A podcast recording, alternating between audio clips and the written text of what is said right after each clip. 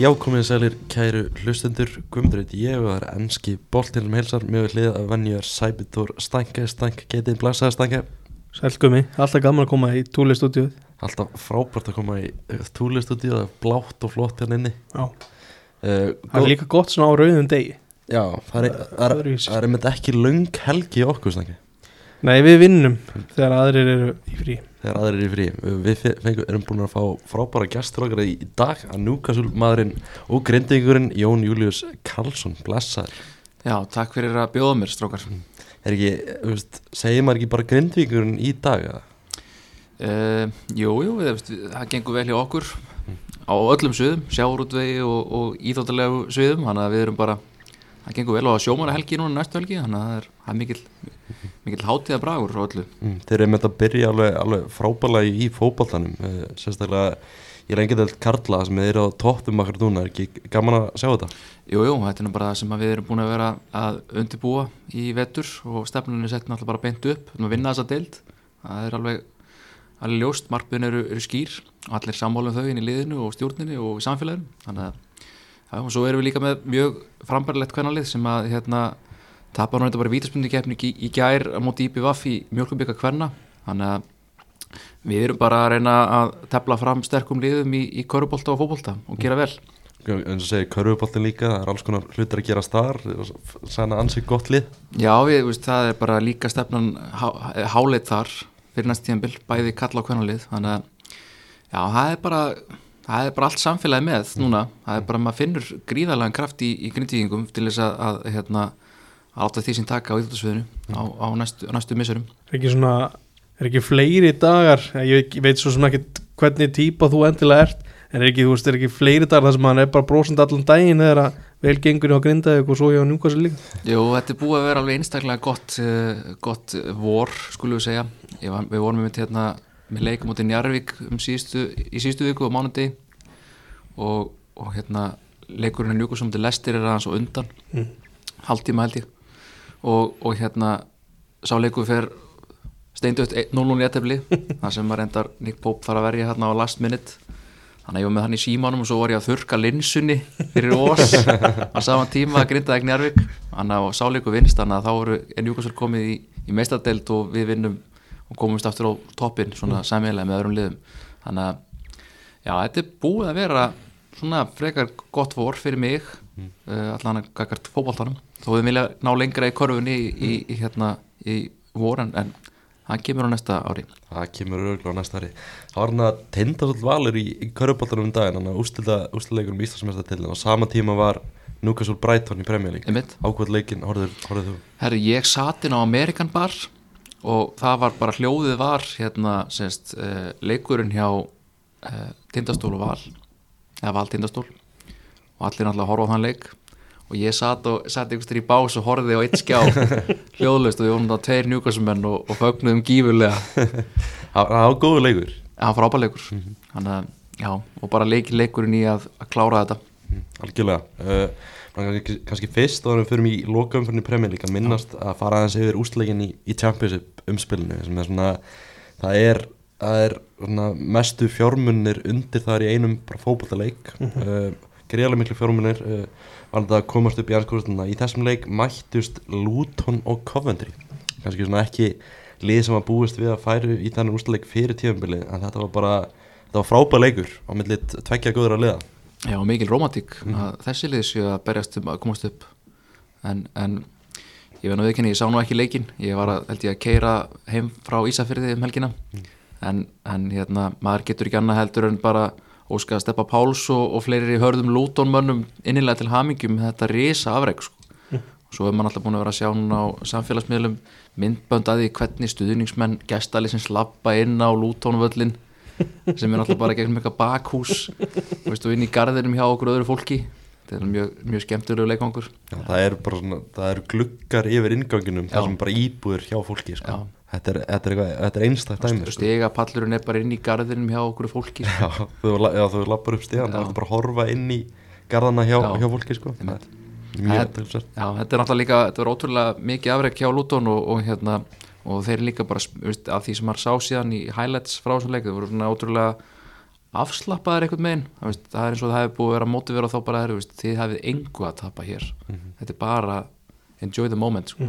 Þeirra voru, ja, mitt, ég tek undir þetta að vera alveg pollslakir yfir hvernig þetta var að spilast einhvern veginn sko. Já, fyrsta félagi sem fer sem sagt, niður í utan delta, fer niður í sem sagt, fer neðan Já. deltakefna fer í 50 delt og kem svo aftur upp í ennskúrustöldina það er bara, bara stórkust þetta afreikjaðum og bara virkilega vel gert Já, en eru þeir ekki að fara að byggja nýjan völl var ekki verið eitthvað að tala um það að þeir ætluðu bara að rigga upp nýja velli bara í sumar ánast að planið sko held ég að nýta Premier League peningana sem eru ansið miklu fjármunir í það að byggja nýjan völd Já. það er búið að vera plan ansið lengi en það hefur ekki tekist að fá peningin í þetta sko Já, en það, það var ekki keftir inn leikmenn þá ég maður býst ekki rosalega mikið við því sko Stefán vildi allavega bara stakriða völlin sko. þetta Það hefur rættum við hann fyrir leik Já, þetta hefur verið, þú veist, hjá þeim niður í Champions þá eru þeir búin að vera hvað í næst næsta sæti, eða þriða næsta sæti yfir launakostnaði í deltinni þetta er búið að vera eitthvað svona moneyball dæmi og það hefur virkað mjög vel Já, það hefði líka þó verið sko mjög svona sætt að sjá Coventry komast upp, þeir eru nú búin að vera í sko gríðalögu fjárhagsbrasi undanfærin ár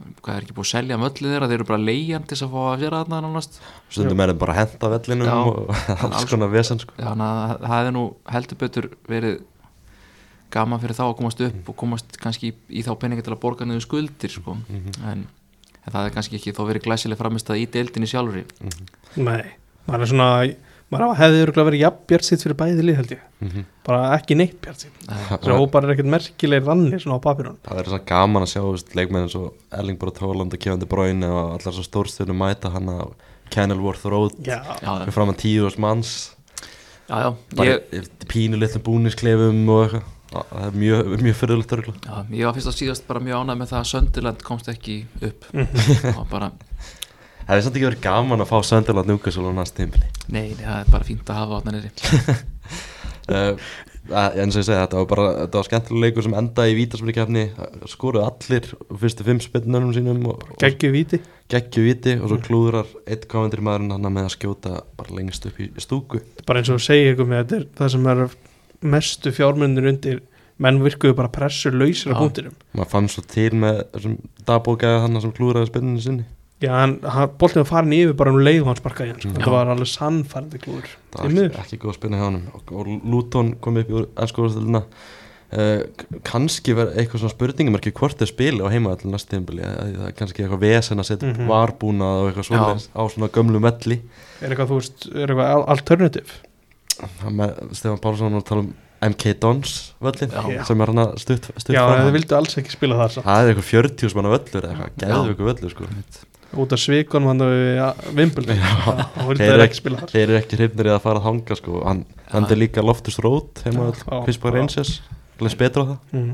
Þetta eru greinlega miklu prinsipmenn hjá, hjá Lúton klálega sem er gaman já, Eh, Mér finnst eiginlega best við þetta náttúrulega að stjóri Luton er Rob Edwards sem var rekin frá Votvort fyrir á þessu tímbili hann sem byrjaði tímbili sem þjálfur í Votvort sem eru erki fjendur Luton eða svona mikill Já. rígur hann á milli svo tekur hann við Luton eftir að hafa rekin frá Votvort af Nathan Jones og kemur svo Luton bara upp í Premier League Mhm. já meðan Votvort situr áfram í Champions Já, League þetta er eiginlega eiginlega magnað afrek hjá Lúton að hafa sko, mist þjálfana sinn sem síðan var rekin hjá Sándon og samt komast þér í playoffsið og, og upp þannig að en það er nú neitt allir hafa verið reknir frá Votvort þannig að það er nú svo sem ekkit, ekkit, ekkit nýsaga þar Þeir eru að fara í þessum 20. stjóra á einhvernum þreymur árum með eitthvað svoleiðis Það er galið, galið tölfræði sko hann var eitthvað gæla við að fá neymar Já, hann var, blaðamannafundi grí- hann var eftir að leik. grínast með það á fundinum sko. hann gæti ekki hugsa skýrt hann var- fann að hugsa um að taka neymar og eitthvað svoleiðis Já, það er á- á- áhugaverða pælingar neymar í, neymar í Luton sko.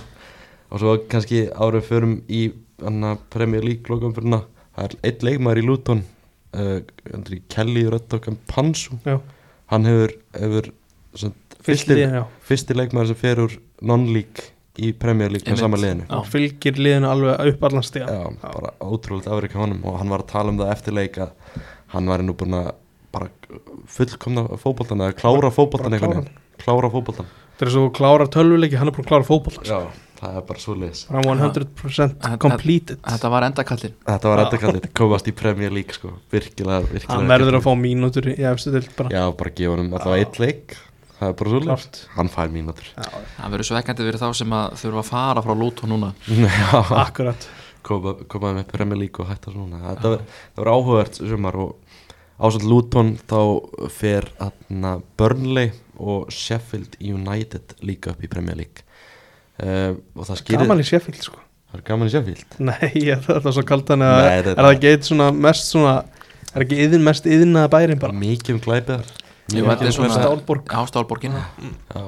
kannski, kannski ekki skemmtilegasti staðan í Englandi Nei. en það er til verri staði þar Snakka, við, Jú, við þekkjum jú, það, Það er til veri það er til verri staði Það er alltaf mikil fegur í, í, í borgum sem að eru byggð upp á innaði og, og sjárúti uh, Þú þekki það kannski að minnast að það líka það er úrslitaleikurinn í League One hann er að byrja núna klugan 14 hann er örugglega að byrja þegar við gefum hann þátt út uh, ég ætla ekki sko Sheffield Wednesday klára það Það er um, mikla líkur á því Já, ég held með miðvíkudagsmönnum þeir slóðu með njúkasrúti byggadum þannig að já þeir slóðut Newcastle í Alveg byggjum rétt, já. í ár Já. það er svolítið á tíumfylgni Já, þannig að ég vona að þeim bara að það hefði bara ekki verið tilun Barnsley Sheffield Wednesday núna á Wembley klugan 2, þetta verður áhugaður leikur uh, og þegar eru Ipswich, Ipswich Town og atna, já, Ipswich Town lendi í öðru seti og Plymouth Argyle vann þá til þannig að Mhm. þau liðar að fara upp í Championship með annarkvært Sheffield Wednesday eða Barnsley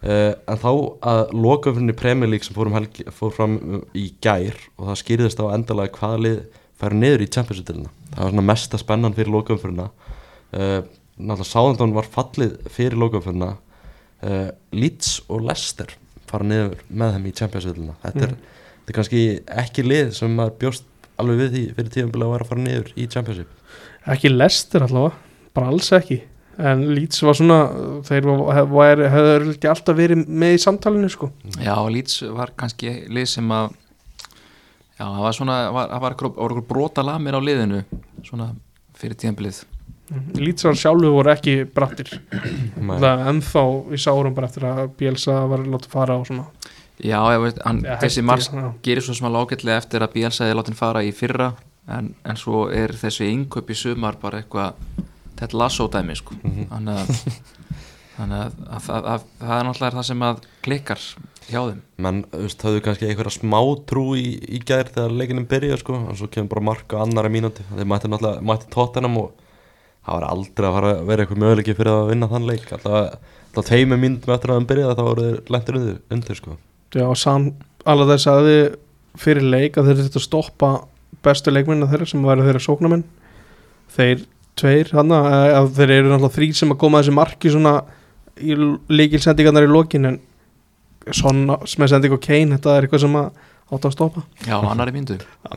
það var ekki þéttan að það Nei, Nei, nei, s- það er þetta að- það er svo sem alltaf vond að fá tóttinamlið í lokaleik sko, með, þegar þeir hafa ekkert engu að keppa Mm. Ég meina, hann- Harry Kane er bara svona að reyna já, já, náði 30 mörgum mm -hmm. þannig að já, en, en ég, ég held að þessi bara sangjöld niðurstæðu lýts með hvernig þeir voru í vetur já, le, leiðar þetta að sjá samanlandast eftir leik uh, ég ætla að gíska að þetta hefur verið hans síðasti leikur í hans skúrastelni sem stjóri í hans skúrastelni já, það er ekki ólíklegt nema eitthvað, þú veist, annar lið taka hann í síðustu tíu leikinum næst tíðumbilið eitthvað svo leik sko. Já, geti, geti gæst sko er ég, hérna, já, við kannski förum aðeins meira yfir alveg þessu eftir þegar við förum mm. ykkur verðlunaflokkana uh, svo náttúrulega fer Lester líka niður þetta, þetta hrjun hjá Lester þetta er náttúrulega margir eitt að útskýra þetta um alls konar útskýringar fyrir þessu þetta er bara kannski fyrst og fremst bara sorglegt að liða sér fallið já, það er eiginlega bara einhvern veginn mjög mikið farið úrskeiðis eftir að eigandinn lest í þessu þyrlistleysi þá einhvern veginn hefur bara svona strútturinn einhvern veginn bara svona gefið eftir og mjög skrítið að sjá Brenda Rodgers svona, Brenda Rodgers svona eiginlega bara hann hafði bara engin svör við þessu og auðvitað fekk hann lítið, lítið budget fyrir tíðanbilið og var svona aðeins að tala um það að þetta verið erfitt en maður átt, veist, ok, kannski fer þá úr að því að vera í 18. seti niður í 14. en fallin alltaf bara disaster sko þegar þeir voru alveg með fína leikmenn á papinum sko, en þeir lendaðu auðvitað því missa Matisson í ykkur á mánuði Harfi Barnes er alltaf svona inn og út Tílimanns virkaði bara hálf áhugaðlaus vörninn í ruglinu markvæslan, ég veit ekki hvers vegna þeir gátt ekki haldið Kasper í eitt ári viðbútt með það sem þeir síðan buðu og grupp á fyrst þeir eru ekki að fara að reyna að finna sér einhvern almennlega markmann þá bara í staðin fyrir hann emitt, þannig að veist, plúst að Ka- jú, Kasper hefur aðeins gefið eftir sem úrstætta leikmaður en karakterun og það, að þú tekur það ekki á honum sko og, veist, þannig að já, það er maður ræðilega áttar sig ekki alveg á því hérna, bara hvað hefur hvað gekk á hana sko svo bara einhvern veginn, bara í lokinu líka, bara einhvern veginn svo þetta kjarkur og þor og allt var bara farið úr liðinu, sá það að Já. spila mæti núkast um daginn og Já. þau voru ekki einu sinni að reyna að skora sko. Nei, nei, og voru alltaf og, og, og, fengu ykkur sex skot í stöng og slá og eitthvað svona, þetta er náttúrulega aldrei að fá stig út úr þessu leik Nei. en, en það, það er kannski svona það sem maður er- maður reynir að horfa á þetta sem bara svona lið ok, hérna, leikmennir það var ekki með bara svona að gefa bátinn ykkur staðar á, á leiðinni Mm. þeir eru áttu þessu því það var ekki að koma nýja leikmenn til að styrkja hópin, þeir voru ekki að taka liðið áfram að það bara ok, ég ætla bara að fara að tríða mig hérna hlutlega og svona þó að ætli sér náttúrulega enginn að falla en þá er þetta alveg svakalega döpur nefnstæði hjá annars bara st- svona eila það er, það er endarast að landslagsmönnum í þessu liði maður var einhvern veginn líka bara þú veist, fyrir þetta tímanbíl maður bara fann að líta og lesta bara sem stóran klúb Já. maður var eiginlega fann að hugsa um bara einhvern veginn svona topp 8 þú veist, við tökum Newcastle og Leicester kannski með inn í það en Leicester var búið að þú veist, er í meistaröldu baráttu bara fyrir tveimur árum og, og er búin að vera í Evrópu baráttu og vinna Bara- byggar vinna byggarinn og þetta- náttúrulega meistarar fyrir einhvern sjö árum ótrúlegt þrísasinu farið í Evrópakefni á sístu Já. sjö árum þetta er, þetta er, þetta er eiginlega ótrúlegt sko Já, já, en það má, ég held að megi margt, megi bara tengja við þessa markmannskrísu sem þeir byggur sér til Mm. og hérna að, því að vörnin, það kemur bara greinilega eitthvað að hika á vörnina svo náttúrulega þeir fengu hérna vestigort frá Sándón sem gat síðan ekki nokkuð skapaðan hlut, og Wout Faes var já, hann er ekki mest sannfærandi varnamæri í heimi sko nei, nei, það bara voru mjög margir sem að spiluðu mjög illa og, só, og sóknarlega, þú veist, Jamie Vardy bara verðist að Já, búinn, já. hausinn að James Madison er komin eitthvað annað og, og sömulegis með Júri Tílemans, hann er, hann er löngu farin eitthvað hann er annað búin að sko. tjekka sér út fyrir löngu sér en er þetta ekki, mér finnst þetta bara nokkuð góð summering og held ég að komið til talsæk tíma fyrir í vetur Er þetta ekki bara liðin með þrjá liðlustu marmenn Það getur vel verið Já, ég sko, hann alltaf verið að tala um að Melier væri svo flottur og fítn en sko, hann, hann lag allt inn sem, Mhm. þú veist, svo var hann eitthvað svona einu sinni vel, Þú veist, hann, hann ver kannski það sem hann á ekki að verja en svo ver hann alls ekki það sem hann á að verja Mhm. Það er... En jú, hann var ekki góð markmann heldur í á sáhandón nei, þeir keftu köttin úr- í seknum þar og ég held að þetta sé sending frá City Já, Gavin Bassunu já. hann getur ekkert Nei, hann, hann er kannski efnilegur eins og Melja já, jú, jú, já. getur verið En vörn, vörn spilar jú yfirleitt ekkert mikið betur heldur en það sem að F er aftan á sko. Mhm.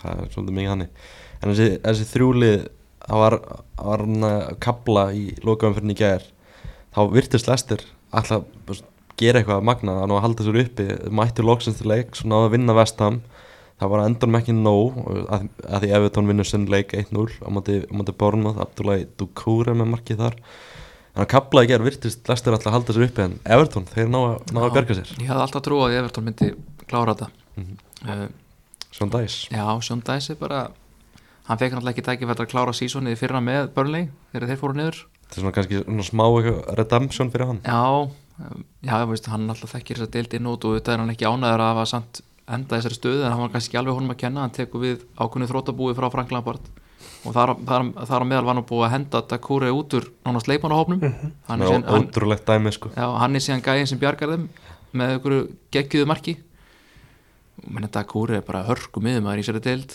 Mm. og þegar hann var, þeir voru nú saman hann í fyrra hvað heit aftur hinn hérna sem, var hjá, sem er, er hjá Evertón að miðunni, eða skiptir ekki öllu þeir, Það þeir var voru, Allan- Allan, já, já, já. Mhm. þeir voru að mynda alveg þvílíkt þétt af miðju sko og svo ertu með, þú veist, núna ertu með hana Onana Já. og svo ertu með Dukure og þú ert að geta búið til ágætt smiðum með Já, helga og allt með Tarkovski og Conor Cody og Keane hann í vördninni og, og svo auðvitað landsinsmarkmannan fyrir aftan en, en, en að, þú veist, Everton eh, svona blúprintið í Everton á að við kalla á þéttleika og þá er bara einmitt uh, Sean Dice hárri eftir maðurinn í þetta sko. getur, hann- get, getur hann ekki byggt eitthvað upp hann fyrir næstu tíma þú veist, ef þú ert líka að þú nærð að finna einhverja lausn á því hvernig þú heldur Carlos Lúin heilum Mhm. þá ertu með bara helviti mikið sko. með Demar Grey, Alexi Vóbi eitthvað svona gauður sem að þú veist, þetta er kannski ekki frábært en Nei. það geta alveg spilað á kantinum eða fremstur á miðju eða eitthvað sko. þeir þurfa bara að Bertman gera, Gnýl sko. já, þeir þurfa bara að gera betur í að, að fá leikmenn sem að spila meiri hluta af tíamil inn í þetta og þeir eru kannski að horfa á þú veist, að styrkja sig með leikmennum sem að er að koma á þeim leiðum sem falla meðan annars Mhm. því að það er nú örugglega ekki mikill peningur til þannig að yfir tónakort núna, þeir eru búin að vera í alls konar fjárhás ströggli og eru alltaf byggja nýjan völl þannig að ég held að sjönda þessi sé ekkert að fara að synda í seðlum í sumar á leikmannamarkaðanum hann er einn af þessum stjóri sem elskar eins og að við tölum um að hann hafði ekki haldið bara eða veist, fekk ekki að tækja veri Guður sem að vinnur bara flesta leiki 1-0 ef hann vinnur leiki Já, það Mhm. já. múra fyrir þetta er bara að þetta er svona kann Já, já, ég minna liðið sem hann var, bú, var með í höndunum mm. hann, hann þurfti ekki mikið að bæta í Nei. sko, hann var alveg komið með þetta svolítið, svolítið í hendunar sko akkurat Alltaf þessi lið sem er að fara niður þú veist, eru við til dæmis að sjá þú veist, mikla breytingar eru, eru liður úrvastelina að fara að kroppa í marga leikmenn úr, úr þessum liðum Ég hef nú að sé alveg ljóst að Vart Prás er að fara frá Soundon það hlýtur að vera Já, já, og hann, það er bara spurning hvað hann lendir sko, hann gæti þess að hann alveg lendaði, endaði í Liverpool sko, mm. því að þeim vantar, vantar miðjumann sko, eða miðjumenn, ég hef alltaf hort á hann bara og, og hugsað tóttina já það er minnst að bara eitthvað svo vera hann já, hann, hann á klálega er hann að koma sér í topp 8 klub og svona, það getur það alveg já, já, þú veist, hann er alveg prófin í það Mm. ég held, Tæk, þá tækir hann í breytina hjá Newcastle hygglust hann myndi styrkja okkur bara sérst, þó að maður hafi nú undir tala niður að Sean Longstaff þó að hann var búin að bara spilaði virkilega vel í sumar eða í vetur, svona skilaði rosalega vannmættu hlutverki, hlaupalega sér það líka en veist, við í Newcastle þurfum fleiri miðmenn sko. mm og hann, meðan hann enska kjarna sem er fyrir hann, þá myndi hann henda mjög verið en já, hann, hann getur labbaðil inn í langflest liðir hann, hvort sem hann sé líkilmaður eða, eða hreinlega bara svona, veist, fyrsti maður á bekk eða í í breytinni, sko akkurat svo ertu með Romeo Lavia líka í Southampton sem hlýtur að spila í Premier League á næst tímbli Mhm. James Mattisson náttúrulega að fara fer hann ekki bara í Núkesúl það tóttina, tóttina, ég, ég vona ekki, sko, vonar ekki ég finnst hann vera svona ekki réttið karakter, sko eitthvað attitude vesel Mhm. já, Já. en, en frábær leikmaður en það, ég ég væri frekar til í, í hérna, varprás heldur en Mattisson, þó þetta séu náttúrulega mjög ólíki leikmenn en bara svona karatilega séð þá held ég að Mattisson fytti ekki hérna inn. Það er áhört að sjá hvaða leikmenn þú veist, verða til dæmis í lester á, á næsta tímabili hvort þú veist, liði geti þú veist, haldið það mörgum leikmennum að það fari bara beint aft, aftur upp Þú veist, þú veist, er Vilfred Nditi og allir þessi gæðar fara að spila með þeim í, í Mm. Champions það er náttúrulega líka leikmaður sem er bara verðist vera algjörlega bensilis og Já. ekkert- ekkert að nenni þessu sko League Harry Barnes er hann að fara að spila Já. með þeim í Champions League ég Nei. held ekki sko það er náttúrulega líka hægt að lána þá sko, Mhm. og, og reyna að halda þeim þá ef þeir fara Mhm. aftur Mm. upp þeir Mattisson náttúrulega er aldrei að fara á lán sko, þeir náttúrulega bara þurfa bara að selja hann, hann á eitt ár eftir mhm. já, já, hann fer alltaf sko svo ertu með þú veist, Leeds líka með til dæmis Rodrigo sem er Já. þú veist, ágætis leikmæður í Premier League sko. sjátt á Mattisson, þetta er kannski pínóett fúlam, já, þetta er það þeirra kaup já, fá ekki Fred eins og Marko Silva virðist vilja, hann vil fá Fred tekum Mattisson, já til Mattisson í staði það Ég eru beðið. mör- það eru mörg, ég held að hann sé svona heitasti bitin Nei, það getur farið í svo mörg lið sko Já. getur alveg farið í tóttunan til þess líka En, en ef að, ef að Njókusson tekur Mattisson þá er þetta bara Eddi á ákvörun og við stöndum að sjálfsögða bak við hann í því það er alltaf stjórnum er núna eins og að fór nú alltaf að rætast hjá honum þegar að Antoni Gordon skoraði ekki þér hann þetta er nú allt í rétt átt hjá honum Svo náttúrulega eru öll þessi þrjúlið náttúrulega þau stefna, hljóta að stefna öll beint aftur upp um, öll þessi þrjúlið er að fara að leita sér að nýjum Já. stjórum Sáðundun er búið að finna sinn stjóra, Russell Martin sem hefur stýrt Swansea og að taka við þeim og svo eru Leeds og Leicester ég, þau eru ekki að fara að halda saman alveg þessu Dean Smith held ég ég held að þessu að fara í eitthvað nýtt sko. Já, ég, þau- og Lester mögulega, samt er það ekki Nei. ég veit það ekki, Dean Smith og Craig Shakespeare nei en það er ekki spenna ég er alveg sammála því, en En- uh, þú veist, mér finnst það líklega en sko. lýs Dean, Dean Smith er með reynslu að því að komast upp úr þessu deild kannski mm. horfa þær í það en mér finnst það ekkert spennandi sko. já, ég vona bara að Steve Bruce á eitt kallið það hjá, hjá Leeds eða, eða Lester maður sá það á Twitter gera Máni Péturs, hann er hans ágjöfullur yfir stöðum mála, maður sá það slít, þegar þeir fjallu síðast þá voru þeir ansi lengi í Championship og League One hvað var þetta mörg ár, 5 16, 15, 16, 17 ár Já, það er, það er ansi, ansi mikil hérna, fórn sem er færð þegar þú færð úr Bielsa og endar í Sam Allardyce Já, þá er búið að, þá er hugmyndafræðin einhvern veginn komin eitthvað allt, allt annað heldur maður en, ve- veit ekki hvað lít sér einhvern veginn lengur sko. veist- nei, að að þið fóru í þessa Bielsa pælingu og það var mjög skemmtileg pæling svo er þeir kom þeir í samanlaldast nú já, ég, veist, ég skil svo sem alveg að, að stundum tekur maður einhverjar ákvörunir lastri sort ákvörunir Mhm. að, hérna, að það er bara að reyna að vera að bjarga bjarga því sem hægt er að bjarga þeir get, þeir geta náttúrulega ekki tekið Bielsa aftur núna hann er komin í Úrugvæ já, ég held að líka hann hafi bara engan á, eða já, veit veit ekki hvort hann myndi hafa áhuga á að koma aftur en, en þeir þurfu eitthvað bara að setjast að, að hérna að teikniborun og bara ákveða hvernig klúpur þeir vilja vera því að auðvitað ættu þeir með þá fjárhastlegu með þá fjármönu sem þeir fá núna frá, frá Premier League þessar parasjútgreislur að geta geta keft þetta upp en það er bara svo margi lili leikminni lýts sem eru bara ekkert yfir bara mönn í Championship Mhm. Þetta er til líka þessi Champions League-dild, hún er og þess að flókin, Já, það er mikið Get- spilað hún getur get, þú veist, getur unni alla og getur tapað mann öllum og, og þú getur festana eins og við sáum með Leeds síðast, þú getur fest í, í- Já, festi í þessari deild og það, er, þú veist, það er erfitt já, það er frólægt að sjá hvernig þessi, hvernig þessi þrjúlið muni pluma sig í þessari deild Gummi, þú veist, bara af því að, af því að hérna, Jón Július nefnir þetta með marga lélega leikmenn í Leeds Mm.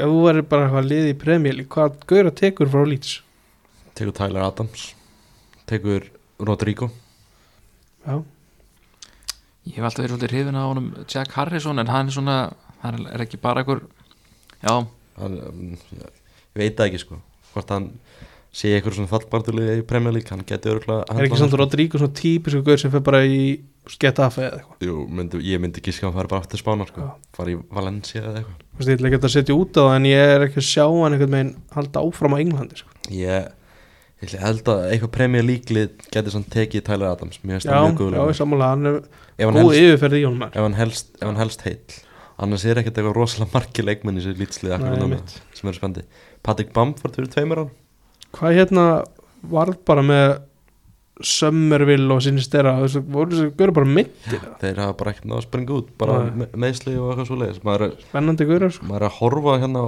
hver er líklegast til að taka við lýts að stýra lýts á næst tíðanbili samanlætas, efstur og lista já, hvað er nummer 2?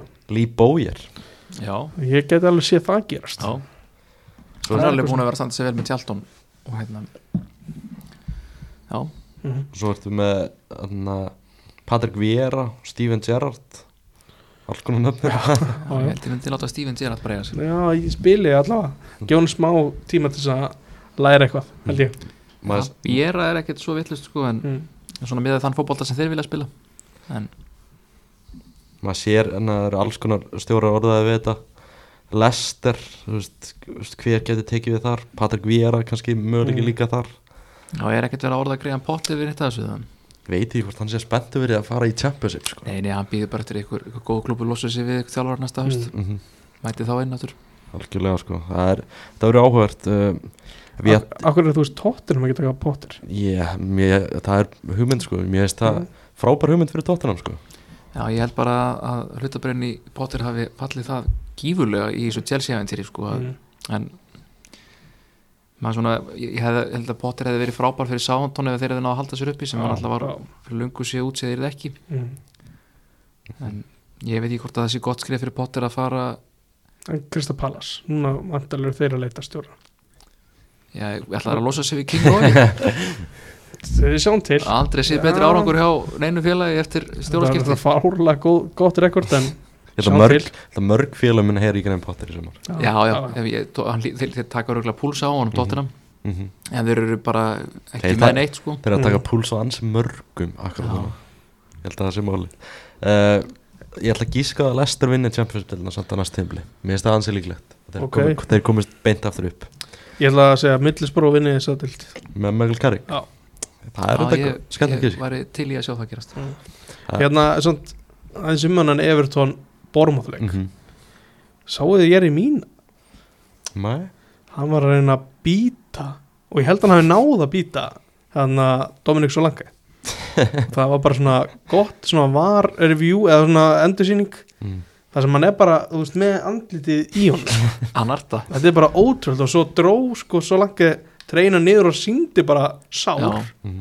En það var ekki dæmt á það sko ég er mín á að náttúrulega spila sinn síðasta leik fyrir Everton í gær Já, hann er alltaf verið mjög tæpur sko Allir beitt heitt áhugaveru karl Nei, hann er ekki alveg með allra heilaselunar í lægi sko. uh, hann var náttúrulega líka í gæra Aston Villa, þeir vinna Brighton og komast þeir í Evropakefni komast þeir í Conference League Já, stórkustlega árangur hjá, hjá þeim Mhm, Unai Emery er náttúrulega einn af, einn af stjórnum tímabilsins Bara geg- geggjubreiting á liði sko Já, hann er ansið líklega bara til að vinna Conference League á næstu tímabili eða er hann meiri Europa League maður Já, ég held að Samt bara ennsliði þessar dildi er bara mjög líklegt held ég Mm. Mhm. Já, Sérstaklega Aston Villa þegar ég held að að þeir mun ekki alveg tanka um þessari kefni sko ég sá maður vast, vestan komst, komst þér ekki undan úrslit Jú, Já, með frekar Nei, hann var í Evrópadeildin Þeir eru í úrslutu núna í konferens já, Þeir voru í Evrópadeildin fyrir það já, Þannig Þetta að er ég held að Þeir eru að fara að mæta Sevilla í úrslutum úrslutaleg konferens Já. Vestam já einmitt. Nei, nei, þeir eru að fara að mæta Fiorentina Fyrir um tína Sevilla Roma í hinn ég,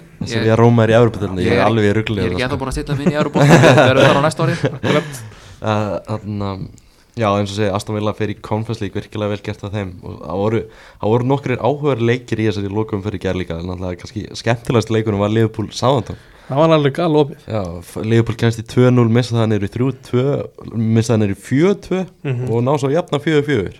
Það var ansið skröðlegu fótballtalegur. Sá hann að Marki á fyrir mínu var, var gaman að sjá hann henda mönnum, henda nið, mönnum niður í jörðina og slúta velt í öðvöld er hann góður Já, hann ansið líklega til að fara í Barcelona í sumar, það verður- það verður skemmtilegt að sjá það. Er ekkert sens að eitthvað ennslið pikka hann upp? Það vil hann ekki Nei, ég held að það sé engin sens að því að hann fari í eitthvað annað enn sliðan Liverpool sko. Nei, nei. uh, Arsenal pakkaði úlfunum saman menn svona tala um það loksins þegar engin press er á Arsenal þá þetta er ekki Voru þeir í alvörunni að hverja grannit sjaka ekkert? Ég er ekki að skilja þetta Nei, ég er sammálað það sko uh, þú veist, Ég veit að þessi maður er ekki gallarus mm en hann er búin að vera þeirra besti miðjumæður ásand öðegard í vettur hann er búin að vera miklu Já. betri en partí sko. já, já, ég held bara að sé búið að græja að dekna ræsi að koma á þinn Mm. já, það getur enda verið en þú veist, þeir eru líka verðist verið að reyna að selja partí en, en já, en ég er ekki alveg áttam á þessu útspili hjá Arsenal vegna þess að, að það fór nú allt í hund og gott þegar þið myndir- þegar þið mistu þessa menn út sko. Mhm. mm -hmm. uh, Gra- þú veist, vantaði sko breytt á miðjuna að þá einhvern veginn fór sísonið í vaskinn hann í april Þeir eru alltaf treystöðurlega og Fabio Vieira þeir ætla ekki að Meira gera á það Ég ætla- ég er að segja þeim að þeir ætla ekki að gera það af því að þá fer þetta allt í vaskinn já, ég ætla að vona að, að við erum að verði bara hann einhvern veginn stúku það er ekkit eðlilega vondur sko. eins og segist ekki samt, þetta er alveg skrítið að sjá þetta þú veist, akkurat þegar hann á sitt besta tímabil með Arsenal hann er búinn að vera svolítið upp og niður, upp og niður já, já, búinn að fara langt niður algjörlega og misti bandi og allt svona sko. stuðnismenn bara hötu hann hann á Já, tímabundi skora fyrstu tvö mörkin í gær og þetta er bara eitthvað þetta er bara, þetta er mjög skrítið akkurat þegar hann á sitt besta tímabil þegar, í byrjun tímabils þegar allt var svona að tikka og þegar náttúrulega tikkuði alveg vel inn í tímabili sko, þá var hann að skila hlaupum inn í teil, skorand Já. og leggjandi um mörk hægri vinstri bara í S-inu sinu hann er að fara til Bayer Leverkusen á hvað 10 miljonur eura eða eitthvað Þetta er bara ég held að 15 50, 15 miljonur Já. eura þetta er eitthvað bara ga- þetta er eiginlega bara En galið sko. þetta er, þetta er club decision þá vantar þetta er samt ekki tilbúið já, eð, eða eitthvað hjá honum sjálfum Mm. getur verið, að hann vilji hann er alltaf að spila í Þísklandi á Já, já. líður já, illa við þar jú, jú, mögulega getur vel verið að hann sé bara vilji enda frekar fyrirlega bara án á high note sko en hann á alveg eitthvað eftir hann, hvað, Nei, ég, er- ég enda Mhm. Já. ekki hasinlega já, þar já, já, jú, það er gott hann hefði talað um það hann væri, væri vildi enda með því að geta fagna ykkur já. Þú veist, annars þetta, jú, jú, en Já. það er svekkjandi eftir svona tíumbil Já, Arsenal mann er nú alltaf fagnað góðu meistardildasetti jú, jú, það er oft verið fjórða Já, já, Já. þannig að annað er bara borðið. Arsenal enda náttúrulega í öðru seti er þetta, er þetta gott tímabili á Arsenal Já, já. titla laust Nei. frábært Þetta tíumbil er ekki ekki tíðanbili Arsenal svona með að hvað þeir voru fyrir bara snemma á síðasta tíðanbili eh, Þeir eru að hvað, þeir endaðar ekki með 80 og hvað 45 stig jú, það er eitthvað svo leiðis sko. Mm, Og- 84 held ég Já.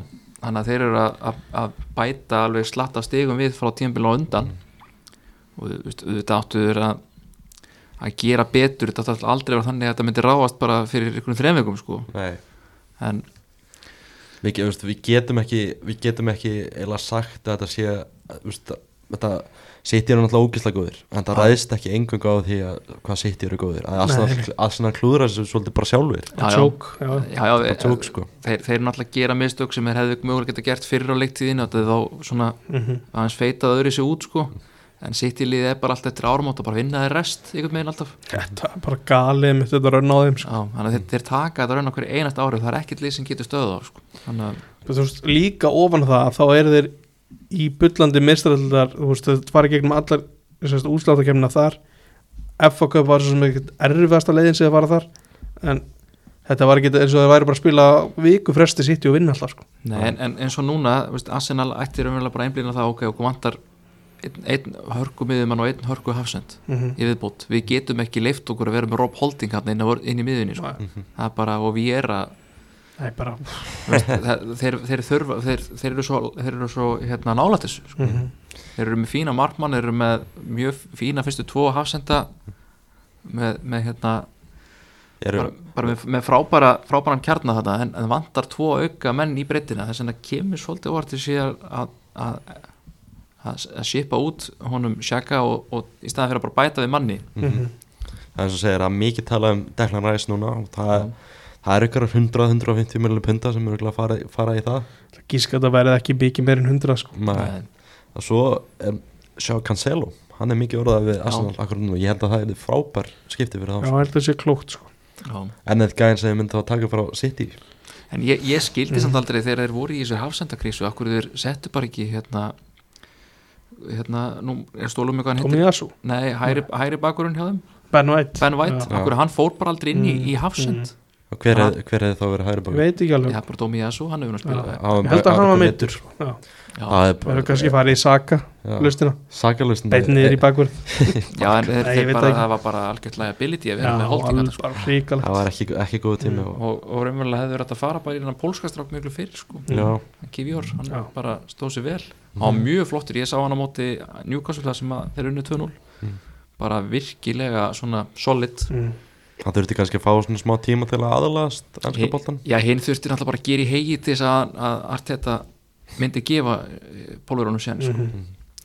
Þú, eh, af því þú nefnir þannig leik Já, Sjaka fónum eitthvað aðeins í töðunar eitthvað þar vissulega hann er svona aðeins að reyna að vera pyrrandi hann Já, á hann já, inni, hann á hann þetta í leiknum sínum Já, já, hann er alltaf er, er svona, hál- svona smá óþokki inn á vellinum sko.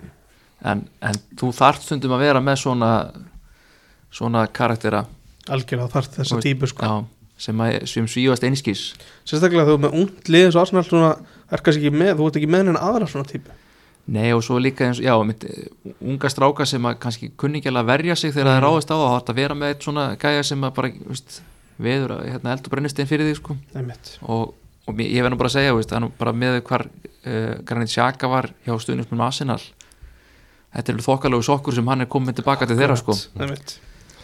algjörlega, uh, Master United vinnur 2-2 á Fulham í lokaleik sínum mm. í Premier League uh, á þessu tímbili uh, 2-1 á móti Fulham David Gea verið vítast Já, það voru stóru hreitnar það voru stóru fjarnir þessum leik fyrsta varslan á Old Trafford í nýju ár Já, það er ótrúlegt, það er ótrúlega dæmi sko. hann ver bara ekki í vítaspinnu sko. Nei, þetta Já, kom mér ég- óvart Ég sá bara hann á Twitter breaking news Já. bara, Það veit ekki að vera víti auðvitað var það líka svona metvíti hjá Mitrovic, engin annar hefur klúra fjórum vítum á sömu- það sama er tímabilinu. þetta galegt það er rosalega tölf af hverju enginn annar að taka þessu vít- taka þessu vítaspinu fyrst hann verið að klúðra Það var einhver kenning hvað að Pereira hefði tekið þetta henni yfir inn á en þú veist Já, já Fúlan kemst yfir í þessum leik og Jónand kemur tilbaka og klára þetta 2-1 Bruno Fernandes með sigurmarki og Jadon Sancho með að Já. skora Það er upprisa upprisa það þurftur nú ekki að gera mikið til að skora þetta Nei, maður nei, Fred var bestur í ísleik hvað sem er sko geggjaður á miðunni Já, og n- n- nefndir á hana Marco Silva, hann var eitthvað að tala við hann á bílastæðin eftir Já, leik tók hann til sín á bílastæðin eftir leik Já, við viljum ekki missa Fred sko. nei, engan á það því Nei, Al- annar leikmaður sem á kannski bara að fá að lofa hérna annar leikmaður það er Viktor Lindelöf Mhm. sá er búin að stíga upp já, Hann er búin að vera flottur hann Það hjá, hefur aðeins hjálpað honum að spila færri leiki með Harry Maguire og fleiri með einhverjum öðrum já, já en Það er nú lít- líka búið að, að hann eh, er svona aðeins búin að vera líka að koma mönnum á tætnar mm. hann, Ten Hag, hann er búin að segja að hann, hann ætli að bjóða í marga, eða ykkur af bestu leikmennum í heimi Mhm. þannig að ef að þeir leikmenn sem eru núna í, nú, í hérna mannstunni ætla að vera áfram þá verður þeir nú að, að gjöra svo vel og, og rífa sig í gang akkurat Það fyndi að Ten Hag var spurður út í Neymar um daginn Hann spurður að því út í Vildi sögulega um ekki Neymar ekki útlöka neitt Já, hann gæti ekki útlega Nei. rétt Hann Nei. sagði, ég skal bara láta okkur vita þegar hann er með fréttir Og Ég Hann meina, bara, ha? ég held að segja að spila þess að þakt eða þess að sálfræði hári hann er bara að reyna að herðu og kveikja á mönnum hérna þú veist, ætli þið að vera með hérna í þessu liði eða viljið þið spila eitthvað annars þar Það er s- frekar sorglegt samt til leikin í gera Phil Jones, hann gæti ekki verið með og fengi kveðjuleika Old Trafford Maður, ég held að hann hafi náð einni æfingu á tímabilinu Það er Ég hef ekki gnast, Það ég held að hann er hafi svo tekið þátt í sorglegt, einni æfingu Já, greiði kallinn Það sko. er rosalegt Hvert fer Phil Jones? bara í endurhæðingu held ég Það verður bara í, í rehab bara allt, allt sumarið Já, ég veit ekki hvað, hvaða klubur ætla að taka sens á honum sko Ketan, þú veist, er þetta ekki svona lítskæ? Takka hann í tjöfn Hann Heita er er náttúrulega- elska hann er ekki náttúrulega- United sko hann en alltaf, er upprunlega frá Blackburn Jú, eða jú, ekki jú, jú. En bara ef það er eitthvað lið sem að vill taka eitthvað tjensi Svo eða eitthvað náttúrulega, þú veist, í gamla dag var alltaf þannig að Söndaland tók alltaf gæðina Já, já, svo er það einmitt Já, það er aldrei að vita nema að þeir rífi fram eskið aftur og bjóða hann um góðan sanning Svo væri nú gaman að sjá hann í Al Nassr í Saudi Arabi Er það bara Já, ég sé ekki alveg, hann er ekki alveg kannski nógu flassi í það æfintir Já, en, en það var náttúrulega að gefa ekki að það, náttúrulega fær gullhanskaranda fyrir leik og hérna, það fór ekkert eðlilega mikið í töðunar á mjög mörgum stuðnismönnum Master United Ég meina, hann heldur ofta streinu, það er ekki þetta Nei, nei, mótmæl einhverjum verðlunum Hvað var það, 17 sinnum? Já, Bara hann að hildi yfir þótt hann hafi gert eitthvað mistök að svona fínasta tíðumbil Já, já, hann var fínn í- fínn í hann var virkilega góður sérstaklega á Old Trafford Já, Þá hann- fekk hann ekki mjög mörg, mörg á sig og hann fær annað tíðumbil sem almarkmaður leysins Sýnist allt stefni í það, já Já, ég held að það sé bara Það brannig er, hvað, er ekki verið að skoða hvað Kim var það ekki hafsendir sem að vera að skoða hvað mest Jú. Það var Napoli Ég er Já. gríðalega spenntur fyrir hann en þú veist, Ég hver, ætla- hver, hver þetta er út Maguire? Bara, þri, bara þriði meður, þú veist, varan er alltaf mittur sko. Og- Já, ég veit að þú það- verður ekki með fleiri en það fjóra var- Það er væntanlega. mi- já, það er mikið talað um að Maguire verður bara seldur sko, Já. í sumar, ef, ef það er hægt sko. Verður, verður kem ekki bara svona kúlibali sending frá Mm. Napoli? Nei, Kim er grjótarður sko. Sjáum til Ég held að gleysarnir séu líka hittin á þessu Það er markas, markastæmi í þessu og fá, einhvern- fá gæja frá Asíu sko. Já, já, einmitt.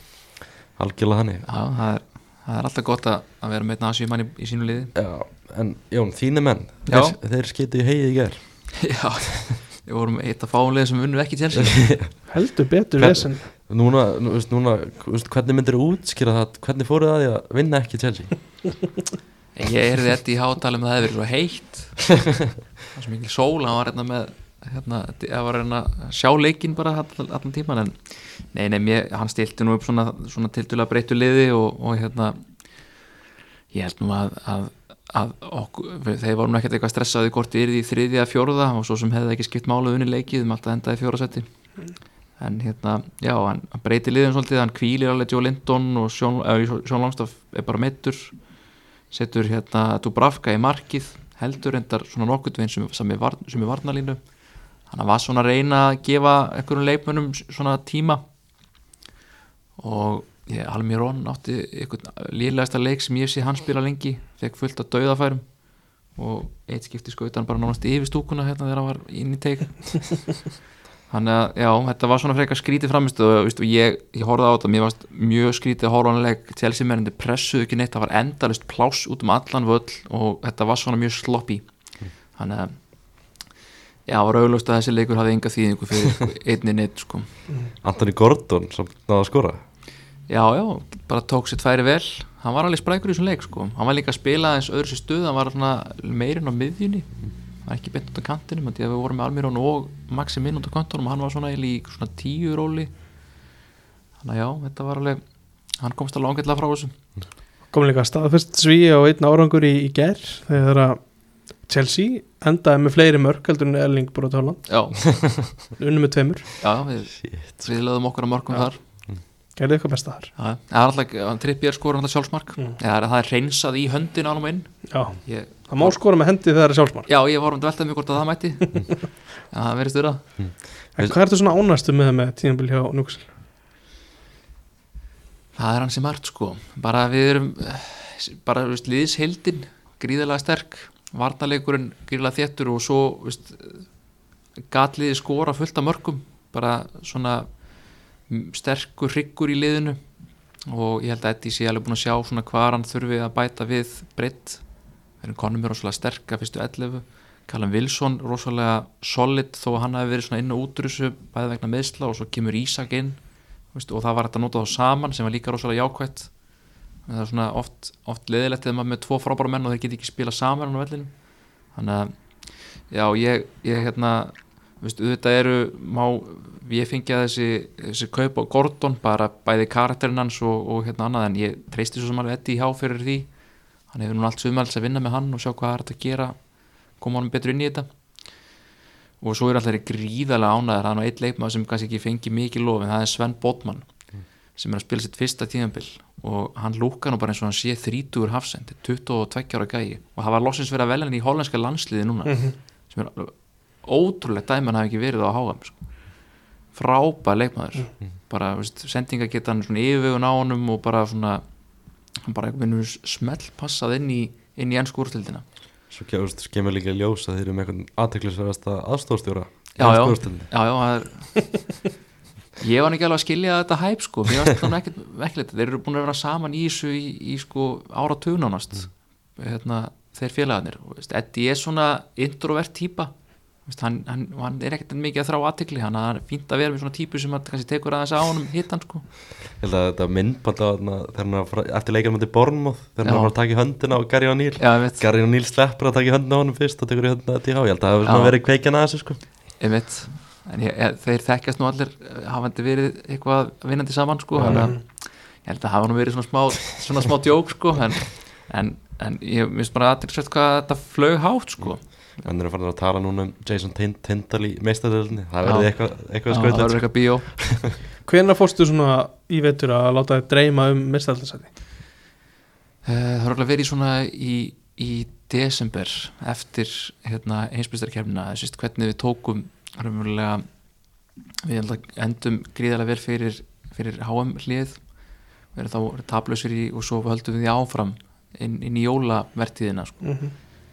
en þú veist, og eru þá bara komnir í þarna þarna uppi sko Þannig, að- en ég var náttúrulega svo sem ekkert farin að láta mig dreymum það þú veist, að ná mestaldsæti bara fyrir en eftir, menn eftir áramót sko og þetta var þetta gríðilegt áfall þú veist, sem maður talar um núna áfall að hafa ekki unnið leik, þú veist, titil þegar við fengum séns á því sko Mhm.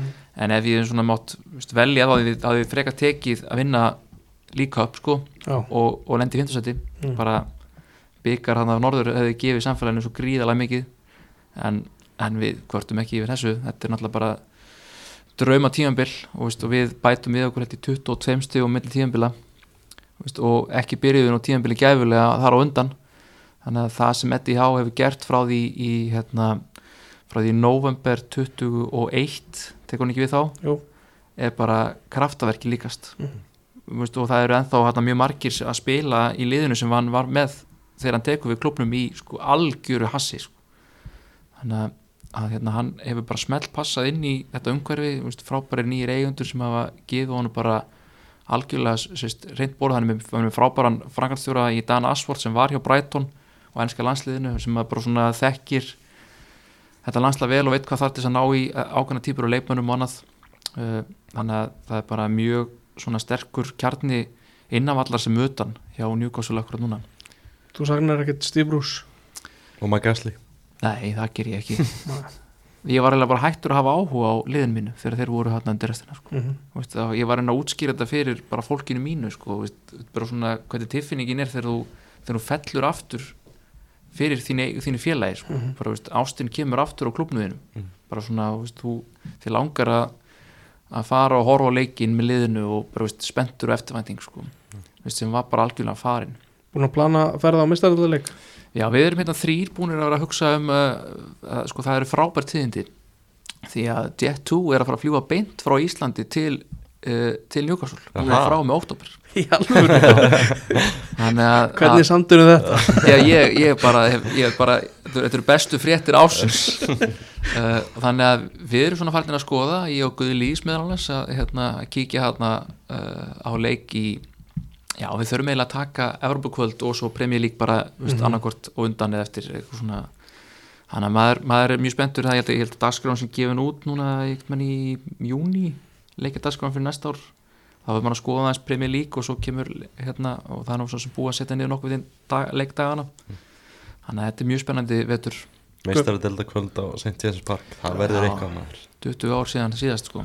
Við þurfum að fylgjast með hvernig að Man United away verður hann að sko Já, Já, þetta fara, er... fara í beint flug já, Já, ég veist, þetta er alveg Þetta er bilað. Ég held að sé ég man, Gaman, sko. Já, ég, ég held að þið byrja að fljúa bara í óttúber og það er held í flói á þriðju dögum eða eitthvað sem Mhm. gæti endað í mestadeldinum Þannig að Gæður. leikdagsflug er alltaf bestu flugin líka sko já, já, já. Veist, þetta er en, en það það er nú lítið mál að taka þá flug beint í Newcastle og, og, og flug- fara svo til Leitiborg Já. eða Master og fljúa þann heim sko, en þetta er náttúrulega bara þetta er bara geggjað Mhm. sko Hvað hérna þarf að styrkja? Hvað þarftu marga leikmenn og það er ekki mikið sko ég, ég myndi ekki vilja að hrópla á mjög, mjög miklu við þessu sko Vegna þess að það er mjög öðvöld að, að gera ómik agressíva breytingar og þá svona dettur einhvern veginn kjarnur úr þessu Þú veist, jú, þú getur le- talað um það að Fabian Sér sé ekki nógu góður en hann bara gæðin kostaði fjóra miljónu punta þegar hann keftur að það bara geggjaður, frábær svona spilar hann var aftur svolítið mikið mittur en í árik menn held hann heil hann er aðeins betri en Lascelles líka tölvört og við þurfum örgulega að, að losa Lascelles og fá eitt svona einn auka hafsend bara upp í mestadöldabrettina við þurfum klálega tvo miðjumenn þegar að Bruno Gimaris datt út að þá svona eiginlega þá, þá ströggluðu svolítið þó við hefðum á að harkinn okkur sigurum þar uh, og svo er, svo er spurning hvort að við þurfum eitt sendir í viðbútt bara til þess að vera með fyrir hérna Ísak og hérna Wilson Mm. ég held að Maximin fari í sumar ok, er eh, hef svona, hef svona einhver tilfinningu fyrir því eitthvað svona hóvar orðarumur um eitthvað annað lið eða er það bara mörglið sem er svona Nei, ég held bara eitthvað meira veist, maður horfir á þetta bara núna, ég held að Eddie Há fíla hann ekki bara Ok. ég held að það sé bara, veist, varnar hlutverkið hans veist, hann leggur svo mikla- gríðarlega mikla áherslu á að vera með leikmenn sem að trakka vel tilbaka á kantinum og veist, í pa- pressan og hann bara hann bara fytar ekki inn í þetta sko. mm maður hefur einmitt verið að sjá bara í vetur einhverju svona orð, orðarumar um hann gæti farið Asmíla já, Já, hann er, Alveg. hann er algjört fan favorite hann sko. mm. og þegar að eigundinu var að koma, koma fyrst þá veist, bara Maximinn upp á sleimarinn okkar en svo náttúrulega bara veist, sjáði núna ok, veist eh, fótbolti gerist að báða möndum allar eins og hann er eiginlega bara þáttakandi í sóknulegnum því miður sko Mhm. Já. en, en náttúrulega magnaði leikmaður á sínum degi sko hvernig bara núna, hvernig horfur á Almirón sem að átti náttúrulega drauma kapla hann í kjölfar HM, já, það detta annars svolítið já markalega séð Já. en, en ég held að Eddie sé nú aðlíka hórið það hann, hann pressar mikið, hann skilar gríðarlega góðri varnavinnu, hann hjálpar trippi er mjög mikið, þeir ná vel saman þannig að jú, ég veist þetta var eitthvað svona ótrúlega kapli á honum að sem allt verið inn sko, svo lendir hann í sem meðslum og svo byggir, byrjar hann aftur og já, þannig að ég held að, ég veist, ég held að hann sé ekkert mikið betur heldur en það sem að heldur en svona, sem svona miðlungsleimar hann sko, Mhm. Þú veist, það getur vel verið að, að það verið sko að fá inn nýja leikmann þannig sko, en ég held bara ekki út af því að hann er að hann er svo, mi- með svo mikla hlaupaketu og hann pressar svo mikið og, og sinni varnarlegin svo vel sem þú þarft að gera í þessari deild sko. Já, þú færði að handvelja leikmenn hvaða leikmenn kom svo fyrst upp í bara inn í, inn í hópin það er nokkuð spurning Neymar Nei, ég vil, ekki, ég, vil, ég vil alls ekki fá þannig típu Ég held að súpistjarnar sé eitthvað sem hendur okkur ekki Mm. Þú veist, Declan Rice var einnig bara frábæð viðbótt fyrir okkur Svona bara einn ein, ein grjótarður átt á miðuna sko. en, en hérna Ég er svo sem, já, ég er ekki með eitthvað, eitthvað, eitthvað, eitthvað svona Jason Veist- Prás Já, ég, veist, ég myndi vilja fá hann Mhm. Og ég er alveg spáði, ég veist, þetta myndi maður vilja fá Harry Kane mm. þú veist ef hann, þú veist, akkur ekki að fara í, í klúb sem er heldur að gjönu neitt í mörg hundur, ef veist, mörg- mörg, margir tíu ára eða eitthvað, þannig að- Gæti njúkvæslega verið samt félag sem er bara já, ég hann á bara eitt ár eftir en við erum alveg til í að borga bara Gæti þeir ekki alveg fara þangað? við við getum alveg gert það Mm. Eh, það er, ég, eða veist ef Ekki, slepp- ekki það, United, Man United gæti það alveg svo sem að líka held ég já, já, en gæti þeir ekki alveg bara já, okkur er eiginlega alveg sama, tökum hann samt bara já, en ég held samt sko þú horfar bara á, á mörkin sem að þeir eru saman í, í Ísak og Wilson, þá erum við ekki svo sem, svo sem ekkert svo langt frá honum, mm. uh, honum Gary Kane Nei, mitt, við, við, við, við minna Harry Kane með 30 mörg hva, hver er næst markaðastur á tóttina, er hann með þrjú mörg eða eitthvað svoleiðis? það er, það er ekki Þú veist, mikið meira þú, sko þú þarft eiginlega að fá mörkin og fleiri átt já, Þannig að- já, rétt.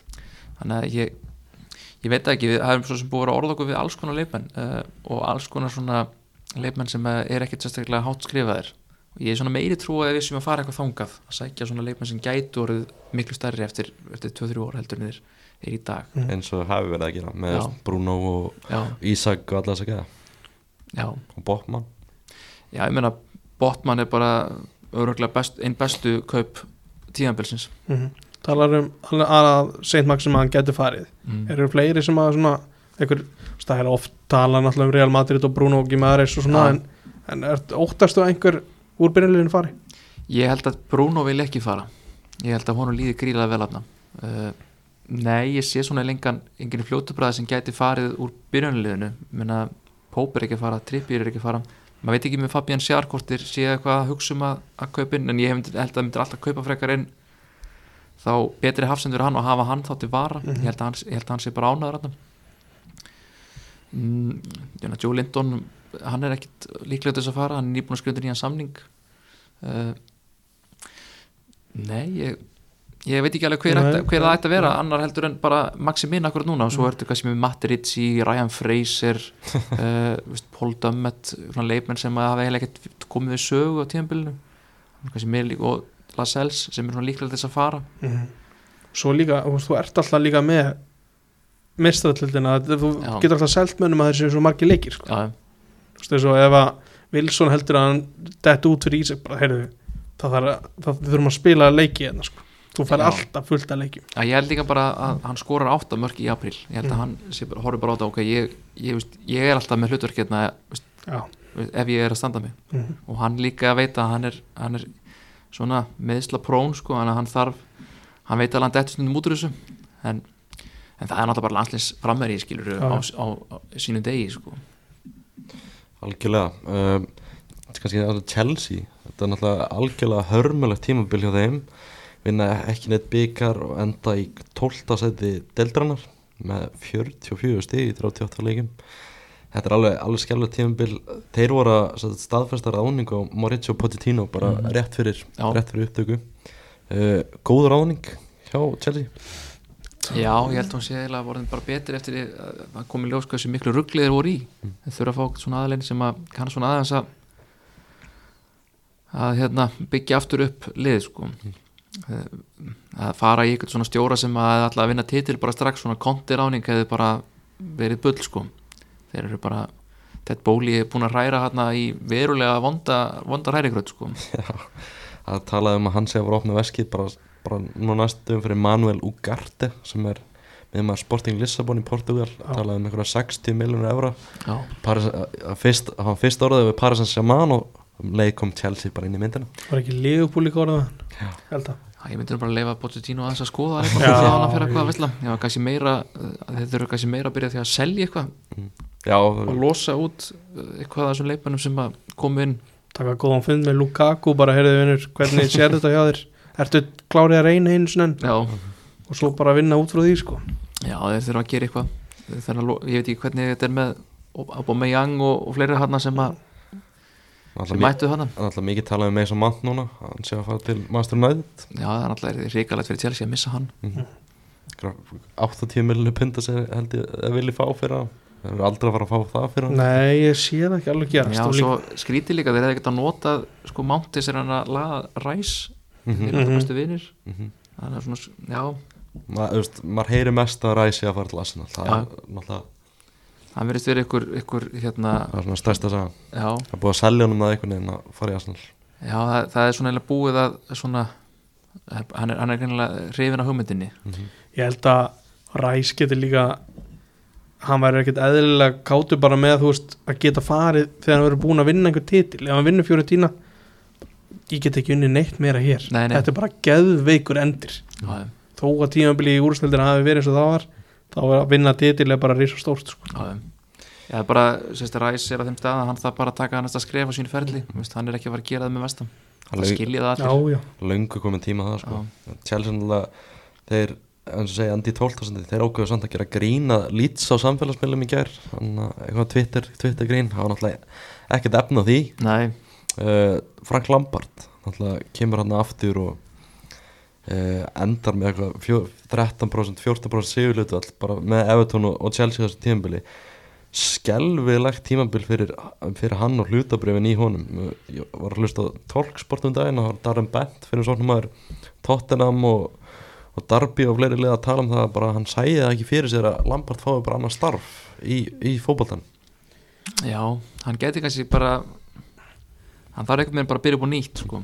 þetta, er, hérna, þetta er mjög erfið staða sem að kemur inn hérna í Chelsea og, og ég veit ekki hvort að hann hefur setið einhvern fyrir sér að ef hann, ef hann kæmi inn og myndi standa sér vel að þetta geti bara orðið að hann geti bara aftur farið í happy go lucky feelingi með Chelsea sko en nei, nei, þetta, þetta lítur ekki vel út fyrir kallinn sko það eru það er helviti lág hlutabreyðin í honum og, og Gerard þessa dagana sko algjörlega og þannig að Lampard kannski fennar bara í þú veist, í League One eða Championship eða eitthvað já, ef hann fær tækifæri þar ég veit ekki hvort hann er að fara bara í yngri landstilinu á Englandi eða eitthvað, ég held að Já. hann fæði ekki kallið þar kannski sko. Kann- kannski MLS eitthvað svona þannig dæmi já, sko. neðri neðri hlutin á Spáni eða eitthvað Það- David, David Moyes skrifið já, hvað veit maður í þessu nákvæmlega, uh, fara í smá verðlunafendingu Er það Fyrir- ekki, erum við ekki fyrir búin að fara svona Ég verði, jú, kannski sjáta á hérna Brentford Vinna báðaleikina mútið sitt já, á tímabilinu. minnast það, Það- Það er nokkuð vel gert það er mjög vel gert ja, við vorum, njúkvæmsumenn vorum ánæðið með að náðum stígi heimaðalli, Já, það var vel gett hjá okkur mm. þannig að Brentford bara þeir eru allt úra fyrir þeim já. gerir þetta náttúrulega án Ivan Tóni sem er byrjaður í banni Jú, jú. það er vel gert Hvernig var það, má hann vera í meðhundluna? Þú veist, má okkur hugsa um hann? Ég held að má, með ekkert vera Það má bara ekki koma nálægt að Nálægt því bara því. fókbaltavelli ég Já, veist það nú fólkið grimt Þetta að er leifa rosa. mikið allan að vera sest, í, í sín, sín nálægt sín umhverfi sko. Einmitt. ja, sérstaklega kannski eftir að hann færi þessa greiningu sko Já. Að- honum sér refsa svona harkalega sko Uh, en hann endar sem þriði markast í leikmaður premjör líka þessu tíðumli, Harry Kane er í öðru seti og Erling Haaland náttúrulega endar langmarkast hvað er langt á milli Kane og, og Tony? uh, tíu mörg Kane Hann endar náði með, 20 Kane endar með 30 og Tóni með 20 og svo Mohamed Salah hann í fjólasæti mm. og Callum Wilson er í fymtasæti Já, En samt bara, Ivan Tóni, hann var í Newcastle já, Já. Þessi gaur skori 20 mörg í úrvarslutinni með Brentford Það er, það er rosalega afrið já Æman Tóni var keiftur út af því að hann var bara eitthvað sturla góður í lík 2 eða eitthvað álíka Mm. og þá var hann keiftur í njúksvöld þegar við vorum maður minni mig í úr, veist, úrastildinni mm. Rafa Benítez losaði minni mig Já. hann fannst hann ekki sniðið ákvörðun ekki vera nægilega góður sko. og veistu, hann, þegar maður kom inn á þessu leikjum hann var bara mjög ungu leikmaður, þá var hann svona sem ekki tikvað eins og hann lúkaði eins og hann væri klár í þetta Mm. og svo bara hittir hann á að fara í lið sem að veistu, hún líði vel í veistu, og klubburinn leiðin upp og hann tekur bara skrifið með þeim þannig að þannig að veistu, það, er, það er ánægilegt fyrir hans hönd að, að hérna, þetta hafi gengið svona vel og maður, er nú, veistu, maður er alveg veltið fyrir sig hvort, það væri, hvort það var, væri eftir möguleika að koma til Newcastle sko. mm hvenær er hann búin í banninu Janúar. Mm, Janúar, Á, já, það geti alveg Skoðu verið. þetta Já, það geti það gerði í verið. mestasöldina Það gæti verið. Kannski annar þeirra í meðslum og þetta skoða þá Já, já, en, en, og, hérna, en bara ég átti ekki vonaði að hann yrði svona góður sko. uh, bara hafandi síðan þegar hann var aðeins yngri sko. Mhm. en, en hann hefur greinilega bara hann er, þetta er bara markaskóri þetta er bara markaskur á Guðsná sko. Já. það virðist- virðist vera hann er alveg svona sterkur og svona tildulega teknískur en bara fyrir frá marki er hann bara ríkalega mm deadly sko. algjörlega uh, fyrir kannski smá velnaðafningu Yes. byrjum bara á lið ásins það eru mm. Ok. margir búin að vera að setja saman eh, lið, á- lið ásins uh, upp á síkasti um, stengið á lið ásins í útarsætnum um helgina Já, Þú varst ekki sammála öllu sem kom það nei, fram nei, það, var satt- maður, þetta er alltaf bara skoðanir manns líka sko Þetta er ekkert alltaf byr- byggt á einhverju rári tölfræði sko Mhm. um, Er ekki bara að byrja á markmann? Jú, Hvernig ertu með þar? Ég er með Nick Pope þar Já, Mér finnst hann búin að vantilega sammála því besti markmaður Já, við, sko, það það var verið að velja lið, eða leikmann ásins hjá Newcastle Mm. og það voru svo margir sem að voru tilnæmdir eða sérst, það voru svo margir sem voru kostnir mm að við enduðum bara með Kirian Trippiðar Það kemur svo sem ekki á óvart heldur. Nei, nei, hann Nei. er svona kannski gæðastjórun hérna aftast En jú, jú, Nick Pope, ég hefði, hefði valið Trippier og Botman frá Newcastle í liðasins mm Mhm. -hmm. Og hvernig markið? Já, þú veist, þetta ekki það, gullanskinn Mhm. En þú veist, Nick Pope var frábær, gjössanlega frábær Ég, við, vorum, við horfum líka í tölfræðinu komi mm. Já, ég, Bernd Leno. ég, ég er með sjátt Já, Bernd Leno, hann er ef þú skoða prevented goals Mm. en á æskot, þá er hann lang efstur var svona alvöru redemption tímabil hjá manni sem að var Já. bara gekk lítið hjá Arsenal Já, og Fúlam var aldrei í neittni fattbaráttu Mhm. nei, ég held að Leno byrji ekki fyrstu leikina af því að það var ekki verið að selja hann frá Arsenal Jú.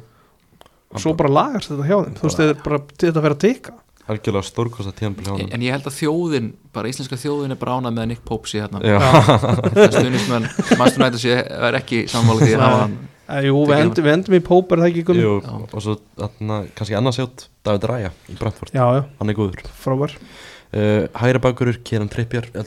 þessi bara unanimous Unanimous sammála uh, Vinstri bakurur Ég myndi taka Luke Shaw þar takk fyrir að stela mínu þarna. ég ætla að taka Luxjó Já, ætla við erum, við erum, við erum, sam- við erum þrý sammála hann Já, bara frábært tímabili honum Já. uh, að spila þú veist, kannski svona á, af því að hann er ekki valin hjá fleirum þannig á hellinga leikjum í miðverði líka sko. Já. Já, þetta- það er eiginlega viðning mín fyrir honum bjókst verulega þegar hann tók alltaf einhverja leik í miðverði Mm. og leisti það bara svona kongur já, geggjaður það bara hann var eiginlega, eiginlega óvæntasta útspil bara held ég sem ég hef fyrir síða sko. í fjárvélumanna kerfi Já, einmitt. ég var alltaf búin að sjá hann sem fyrir hann í vinstra megin í fimm manna vörð sko. Já, þarna blómstra hann. Menn er líka að tala mikið um Sinchenko í Arsenal og svo alltaf Na- Nathan Ake líka svolítið verið nefndur já þessar ég, stefn. ég sjó var svona í- over the season hann alltaf, Mm. hann kom hann ekki tilbaka og meðslum hérna eitthvað í oktober Jú, en, gott að en eftir það sérst, þeir keiftu þarna Malaysia Mhm. hann átti að eiginlega taka stöðuna hans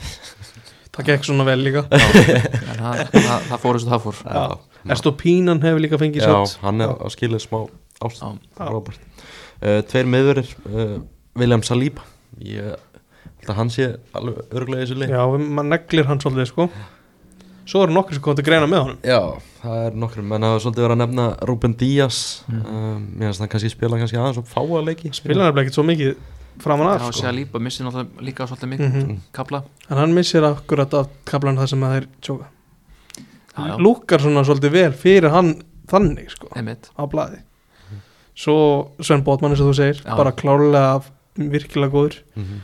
Lisandro Martínez góður hjá United Já, það fer líka svolítið hvað hans í skrúna hjá þeim þegar hann dettur út mm -hmm. en það- þetta er svona ná að klóra það saman í restina með fleiri Saliba spila 27 leiki og Ruben Díaz spila 26 það er kannski skrítið að segja að Já, Ruben ná, Díaz spila fáa leiki og það gengur náttúrulega virkilega vel hjá City þegar Díaz spilaði Já, en þú veist, Saliba bara einhvern veginn ótrúlega, ótrúlega minglaður í þessu astanarlið Já, ég myndi eiginlega velja að lípa og dýja satna Mm. inn svona þess að sé ekki bara njögusmenn í þessu liðin Svona Jú, það- það er á- menn- menn líka tala um Lesandro Martínez Já. akkurat, jú svo Louis Dunk í Brighton líka Já, Já, þú veist, ég veit alveg að Dögg og félagar hana í Breitón þeir endi sjötta seti sko en þeir fá þessi 53 mörg já varnarleikur var ekki alveg það sem Nei. að kannski komum vanga hvað skoraði hann líka, þú veist, jú, hann skoraði reglulega, þú veist, fimmörk eða eitthvað hann skoraði reglulega gæðin Já, Díaz og, og hérna, Saliba Það held ég það er bara negla uh, fara bara í 4-3-3 eða ekki eða ekki bara solid ég, s- ég held við verðum alltaf að enda bara í 4-4-2 sko Því 4-4-2. það eru bara tveir afgerandi strækrar já, 4-4-2 Já. já uh, tveir miðumenn mhm. Já, tekur Martin Ödegard, Arsenal Ég ætla að vera í tígunin sko, ég ætla ekki að vera með kantmenn sko þú ætlar ekki að vera með Nei. Ég seti þannig, ég sér bara Rodri djúpur kannan Gefið. já, frábær Já, Svo ertu með Bruno Fernandes Bruno bara gefið líka á miðunni ég veit þú þetta kannski ekki samanlega en bestu leikmann Manchester United verður að vera í liðinu Þi, þið ákveðu þetta, ég, ég er þetta gestur svo þetta var Kevin De Bruyne Kevin De Bruyne, og Martin Öðegard Martin Ödegard er þetta ekki, Og Hvað ætlar að gera við Saka? Mm. bara kennst ekki í lið Já, og Sala kennst ekki í já lið Sala kemst ekki til þið akkur, þú veist, akkur ætti Saka ég veit, þú veist, hann er á frábært tíðanbíl en á, er hann á hann að vera frekar en Ödegard eða Bruno Fernandes eða? Frekar en Bruno Fernan- Fernandes við mér ekki frekar en Ödegard þá ég held Nei, að Bruno Ødegaard- Fernandes er betra tölvölega tíðanbíl sko Já, ég bara svona, úst, það er munur á lendi öðru en jú, þriðja, sko. jú, það, ég veit að það er munur Og það er ykkur 15 stík hann á millið eða eitthvað mm. já Saka ætla að fara að hafa hann á öðrum kantinum og De Bruyne á hinn kantinum mm. já sparka Bruno Fernandes já, já, já, ég get alveg lú, lúfa en það var ekki ætlun þegar ég mætti hérna Þú veist, ég get alveg gert það meiri hlutin á móti mér Saka með 14 fjórta mörg sko á tímabilinu í Premier League í deildinni, mm -hmm. Hvað var Fernandes með mörg mörg? 8 Já, já, þetta er gefið hvað tekur Saka mörg viti að það er líka skorað þeim, ég veit það hvað tekur Bruno mörg viti? ég veit það ekki, það er nokkur en Bruno ágir Ég klára veit tilkall sko. bara, það er eiginlega bara skandall ef að Saka er ekki í þessu liði Já. það er bara mín persónulega Æ, skoðun já, ég, ég skal alveg taka undir það hann er þetta frábært tíðanbíl ef það, ef Arsalmenn eru búin að slökka núna sko. það fari 4-3-3 með Rodri, De Bruyne, Ödegard við erum alltaf með framverðinu tveir eru alltaf gefnir sko. ég held við séum bara með De Bruyne en það frjálsan út í vinstramenn sko. já, ok það er bara auðvöldast og svo náttúrulega Harry Kane og Erling Brot Haaland bara sjálfvalið frá mér já, svo ekki náttúrulega atna, nokkru sem gera tilkall á bekkin líka í þessu Mhm. lið, það er erfitt að velja þetta lið til dæmis með Mohamed, Mohamed Salah Lissandro Martínez, Bruno Fernandes uh, Casemiro, já, Marcus Rashford Sven Bóðmann Sven Bófmann, já, hver, er- þú veist, hver er svona annar Jack Grealish Þú veist, væri, er Bruno Gimaris nálat þessu uh, já, já. Mm. hann væri svona úst, já, já, hann hefði alveg geta verið hann á miðunni sko. mm. en, en, en ég get ekki tekið úst, Ödegard eða De Bruyne eða Rodri mm. framfyrir þá sko, Hm. bara gleymi hugmyndinni Mhm. svo Ilka Gundogan líka hann er búin að vera mjög góður hann er alltaf góð bara til áramót sko. eða, svona, úst, eða frá, frá með februar dettur hann alltaf í eitthvað svona eitthvað svona samningsmót herri, þannig kannski að vera að segja minna á mig hann er múin að teka upp einhverju ekki 20.000 í launum alveg pottet sko já, Svo er náttúrulega líka með Oli Watkins sem hún er frábær Já. eftir áramót veist, er mengan leikmann úr, úr, hérna, úr Brighton í þessu liði Mhm. veist, er mengan leikmann úr, úr Aston Villa sem að, veist, klálega, veist, mm. voru frábærir Það er ógislega erfitt að velja þetta lið. Makalister færi sinni lápa ekki hjá okkur já, Mitoma líka, hann er Já, skilðið já, sér Já, ég var einmitt að reyna að hugsa veist, hvaða leikmann á Brighton var þetta að setja í liði sko. Það það, er alveg- var samt eiginlega enginn sko, svona, sem var A- eitthvað svona star algjör- performer Já Makalist er búin að vera frábær þú veist, Mitoma mjög guður margir en að tala um Dungaran og Estupina Mhm. þetta er bara frábært, frábært lið Mhm. mm -hmm.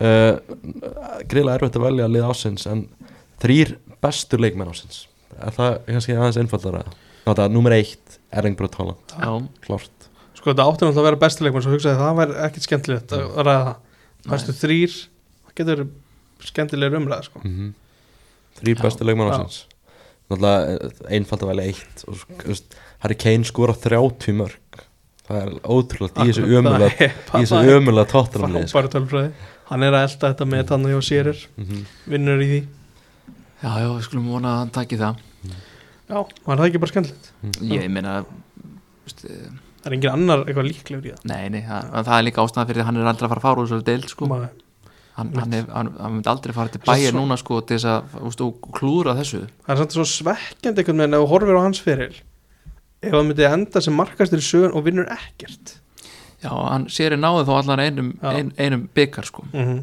tekur eitt titil Já, uh, ég hallast að Rodri Mhm. Rodri 2 sé bara númer tvö já, ég er bara saman með það sko. og hvað auðvitað var nummer þrjú Mhm. svo við fáum ekki eh, hassana samfélagið ná jú, jú. getur líka tekið saga fyrstu komin sakaði liðið getur skoða Nei, það Mér, mér fannst vera svona meiri, meiri sko svona ánægja með auðvitað svona bara á Mhm. svona komplett Já. og veist, í svona, ég, jó, ég, ég er seldur Ö- auðvitað Öddegar 3 ekkert eðlilega góð Já, fótboltamaður. frábært hann tíma svona leti þetta aðsennilega tikka sko, Mhm. hann, hann er svona leiksturinn hann þrý bestu stjórnarnir í Premier League Já. eitt, það er Eddie Há, þetta já beststjórn ég er sko. sammáleikur það er ekki að taka Pep Guardiola eitt eða? nei, nei, hann, Nei. hann, sko, það- ef- ef að Pep Guardiola fer inn í hvert ár og hann á að vinna hann titil mm -hmm. hann er með langmestu peningana langmestu besta leifmannahópin og allt annað en hann vinni þess að deild er, er bara skandal sko, ef við værum að velja stjóri ársins og það væri búið núna FA Cup og mestallin já, myndi sann- sannilega hugsa bara á Gardiola á þetta, hann vann allt En við erum- Já, já. þetta við- verið betra við erum bara samt já, að tala um Premier League einmitt. Já. bara eins skúrstöðum ég er, þar er allast ég Eddie Há þetta já eitt Já. Tvö. já, hann lið- liði á Njókusul bæti sem 22 stík á milli ára það er enda rosalegt sko. Já. komaði Núkasvöld í mestarleilina í fyrsta sinni í 20 ár sko, nummer tvö myndi ég segja Arteta mm.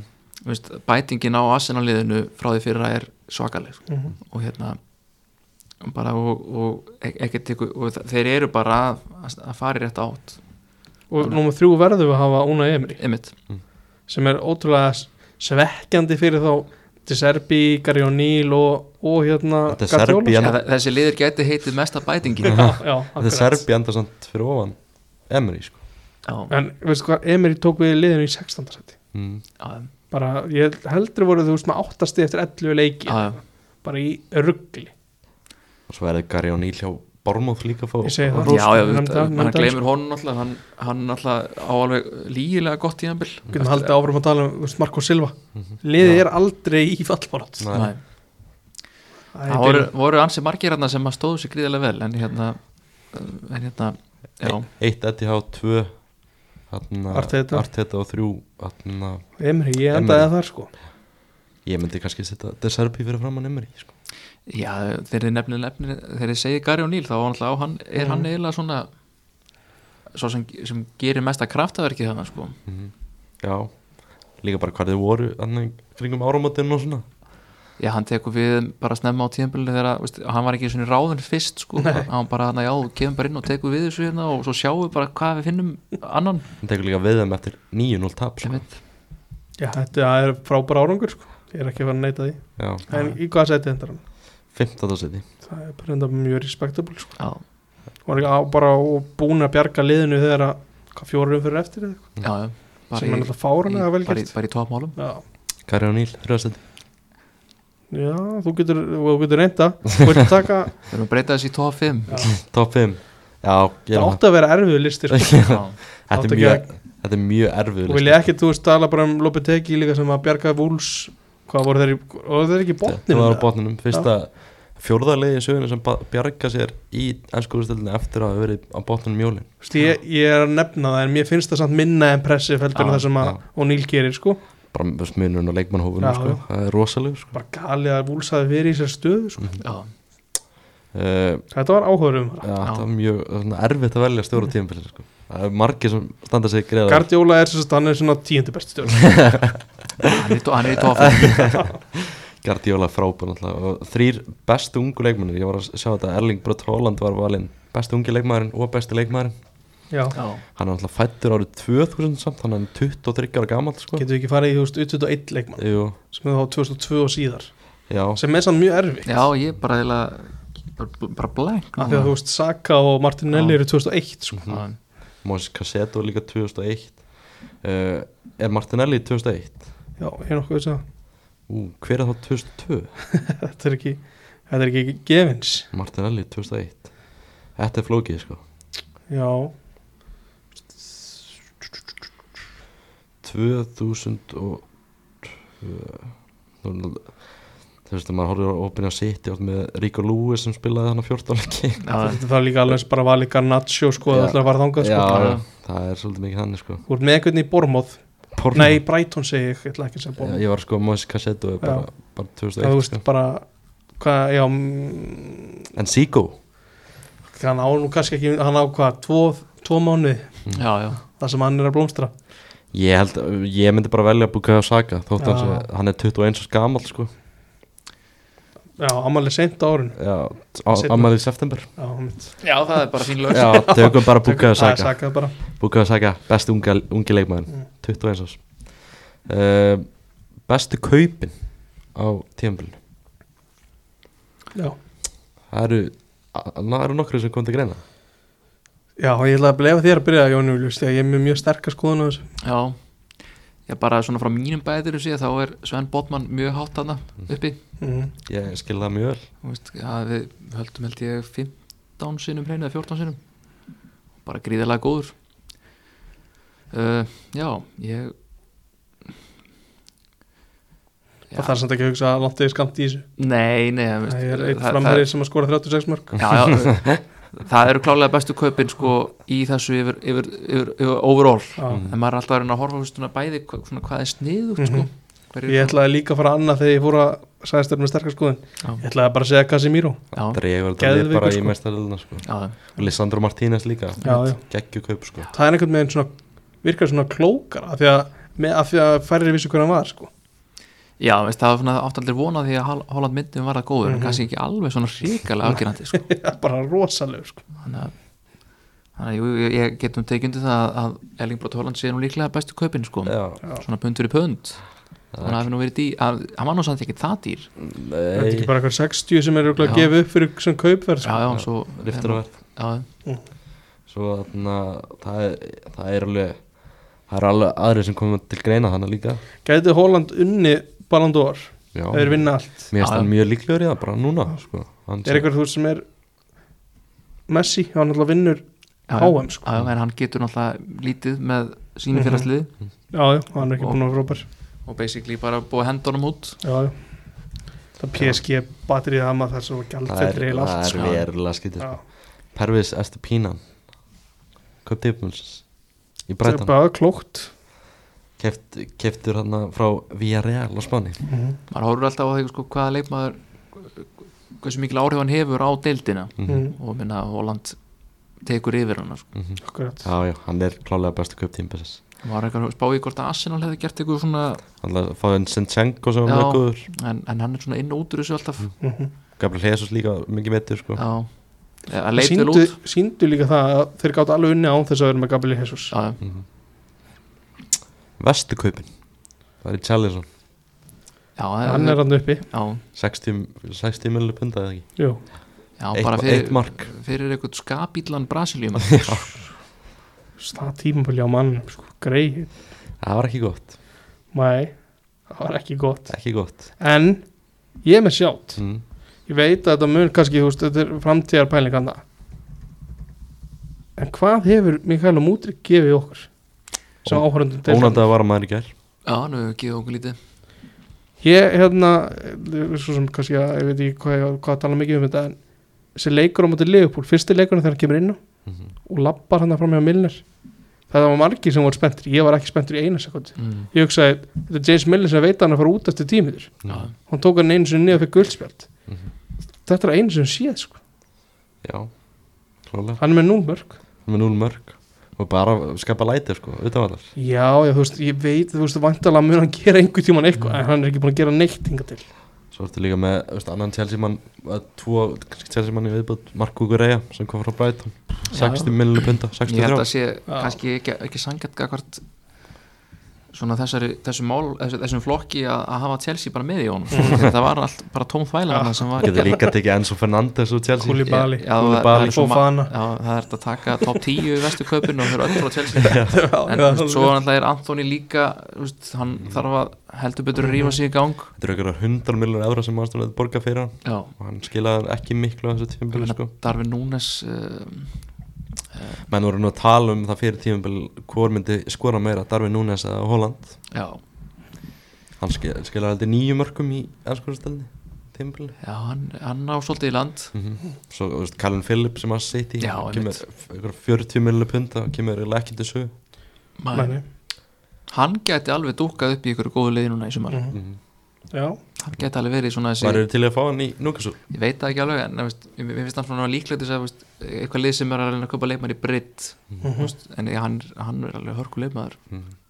hann hefur ekki mikið að gera þannig mann sitt í verðastur Nei, þú veist, svo, svo ertu líka bara með Rodri sem spilar alla leiki sko. já, það er að hún er með alveg og alls smá svona vorkun Já, Já, já. Phillips hefur ekkert annað hlutverk hann getur ekkert bara dottið þetta inn sem bara central eða attacking miðjum sko. hann Nei. er bara Hann er bara defensífur djúpur. sko. Já, já. Já. og þó þannig að Nottingham Forest hafa haldið sér upp í þá og þó Jesse Lingard koma frá alls í sölu þá er það borgunum 120 spundi eitthvað í vikuleg Já, en þetta, ef þú tekur Nottingham Forest það er náttúrulega mjög margi leikmenn sem koma honga Já, mest gaman af Andri Æjú já hann, ég veit ekki alveg hann, hvað það skil, átt að gera hann skilaði samt alveg eik- einhvern frammestu sko. þú skorur einu víti eða eitthvað já já hann það þarf að skilaði skora þeim skilaði örugglega meiru bara en Jesse Lingard bara öllu tímbilin sko. Pottet. Já, hann Lingard var ekki að, svona, að kveiki í mannskapnum það var mjög klók kaup ekki það, þetta er kannski ekki alveg upp þér en það voru kannski að gera hann sjálf með Morgan Gibbs White hann já, Já, er all, hann, ég held að hann sé allra þessa peninga virði sko. já, já, hann er Frábær góður sko leikmaður. uh, hvað kom mest á óvart á þessu tímbili Chelsea hvað, hvað voru lélir já það er, er þetta og öll þessi kaup komið mér alveg gífulega óvart Mm. ég var þú veist, maður ekki búin að lesa Todd Bóli alveg svona sko. Nei, það komið líka bara svolítið óvart bara út í því að það er verið að herða financial fair play mm Mhm. bara svona að menn skuli vel detta til hugar, sko, þú er bara búin að læsa þið inni með einhvern hóp og þú getur þú senni ekki treyft hann konum með svona eitthvað launaþak líka mm. Fa fara ekkert yfir axi í launum þannig að það getur verið ástæð fyrir að með þess að mont getur verið að fara og svona Þú veist, það kemur líka svolítið óvart hve- hversu hérna, lélegi Liverpool voru á, kap, á Mhm. tíma Þú veist, hversu, hversu hérna, einhvern megin hve- hvernig að, leik, eða bara svona aðferðafræðin hjá Klopp strandaði bara eða leikmannahópurinn Mhm. bara þeir hlupu bara yfir sig bara, bara leikmannahópurinn er búinn Mm -hmm. margir hann eru bara ekki lengur með hlaupagetuna sem þau þurfa til að spila kloppfóboltan og skrítið hann skuli ekki, skuli ekki, eða skuli ekki hafa kveikt betur á þessu fyrr mm -hmm. með s- úst, svona, og bara ef maður pælir í því þegar þegar hann tekur Tiago inn úst, þá hefði hann þurft að fá svo að þá okkur alltaf þessu típur inn, í lið, inn, inn á inn miðuna Mhm. hann er svona, hann er svona, hann er svona svolítið sjálfur búin að hann mála svolítið í hotn með miðjun á liðinu sínu svo eru tvö úrslit sem að er alveg hægt að nefna hana það er alltaf sjálfsög 7-0 sigur Leopold og Manchester United já, og svo þessi gjörsalega galni sigur Everton og Brighton já, já, það er góð, góð punktur það var bara kom algjörlega upp úr Mhm. já þurr hann spjargaði á andanum bara frá falli kemur líka óvart að, að, að, að, að svona jákvætt hversu vel gengur hjá Newcastle og, og Arsenal kannski Já, ekki margir sem reiknaði með því fyrir tíðanbili Nei, ég held að enginn af átt vonaði að Arsenal er svona, veist, er, er þessir tælarkontendar sem síðan eruðu, menn að liði var lengst allra liði á topnum á tímabilinu ég held að það hefur líka enginn verið að spá Newcastle í meistaröldsæti á þessu tíðanbili sko. Nei, en svona kannski meðan að reikna með top 6 Mhm. mm -hmm. mesta leið top 7, top 6 svo er bara 1,1 serbi hjá Brighton já, já geggjuð bara, og allir þessi gauðir sem eru að poppa þar upp já. Rík hjá Brighton er bara enn og aftur bara þvílíkt vel gert hjá þeim Mm. sko Mhm. Já, og var- og vorum með allir maður Steinarsson Leopoldmannin spjallin um daginn og hann vildi bara helst kaupa þá yfir sko. Já, bara Sjá kau, það. kaupa starfsmenn Mm. mm. breyta bara Já, var ekki að fókusa á einhverja leikmenn, bara kaupa þá yfir sko. sem, Já. það var það sem ég held að Chelsea hefði gert Já, en, en vandamálið er alltaf það, það er svo auðvelt að segja ok, þeir eru svo góður að finna góða leikmenn en þeir finna líka góða leikmenn sem að koma inn í miðlungslið og Já. fá tíma til þess að þróa sig já, Þú veist, það er ekkert hægt að gera þetta hjá allra bestu Mm. klúbborum í heiminum sko. nei, nákvæmlega mjög góð punktur Endur kom ásins í ennskúrastelina Já, ég hugsa hann að Rói Hótsson Já, það er óundilt Já. Því líku meistari Já, því líku mestari, því líku kóngur að koma tilbaka Já, bara hvað voru með 1,8 stiga meðallega leik og ég, ég held að þeir myndu tapa rest sko. Það komið samt svo, veit, það, mér, ég- ég var kannski ekki að fylgjast alveg nægilega vel með uh, svona samfélaginu hjá Crystal Palace Það komið svolítið óvart, ég skildi að vera ekki við þeir voru ekki alveg Mm. í skýtnum, þeir voru svona að það var allt í lagi ekki gott og svo voru svona, já, ætlum að ráða King, King Roy Hodgson aftur, það var bara svona já, ok, herðu, þetta er, þetta er glæsilegt Þetta- hann er náttúrulega með mjög skýra hugmyndafræð Já, Já, en eh, þú veist, svo- þetta svo- virkaði svo þetta getur hann að lampa hann inn og hann bara, þú veist, það er allir til í þetta Já, já, bara gerði eitthvað hluti held ég að hann hafi bara sagt við þá sko. já, ég held að sé ekki um þetta að koma með eitthvað þvílíkar taktiska pælingar sko.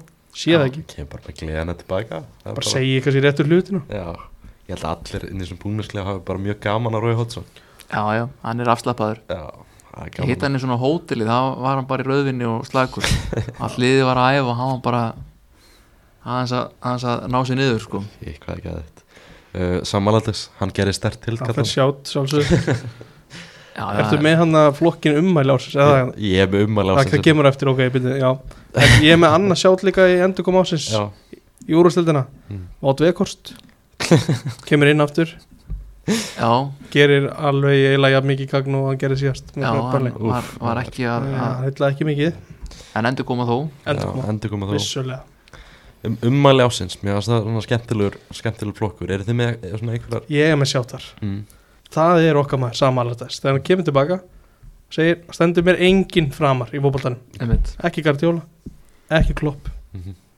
hann sagði eitthvað eitt annan líka það er ekki við Jú, og svo sagði hann, hann að þetta var eftir, bara eftir, leik, galnast í hýrt eftir leikina var hann að draga aðteklina frá leikmunum sín og hann tókst það reyndar, Já, Já, já, það var galnum en það hafði náttúrulega engin áhuga á leikmennu lýts bara, þurfti kannski ekkert mikið nei, nei, ég ég varst um að vita hverju væri leikmanófnum hjá Líts En, jú, jú, þetta er, þetta er, þetta er gott sjátt Svo er ég bara um, í þessum flokki þá fann ég svona grein hérna inn á 90minutes.com bara Nathan Jones þegar hann var Já. stjóri sáðan Já. Já, bara eftirminnlist ummælin það er nummer eitt hérna hann, eftir tvö tapa á móti Wools þar sem voru eitt og lifur í hálfleik þar sem að Woolsarni mistu manna vell með rautt spjald í hálfleik og sá að það var eitt nýlu endur að tapa 2-1 og hann sagði ástæðan að þeir hefðu tapað þessu voru að þeir voru 10 grann 11 sko já, það, það, pressan, hef, pressan hefði orðið allt og mikil það sko er frábærar ummæli sko. já og svo var hann ta- mikið að tala um að uh, trú sína og Jésu Krist og, og velsk, velskar konur og svona Hann Nathan Jones, já, Já.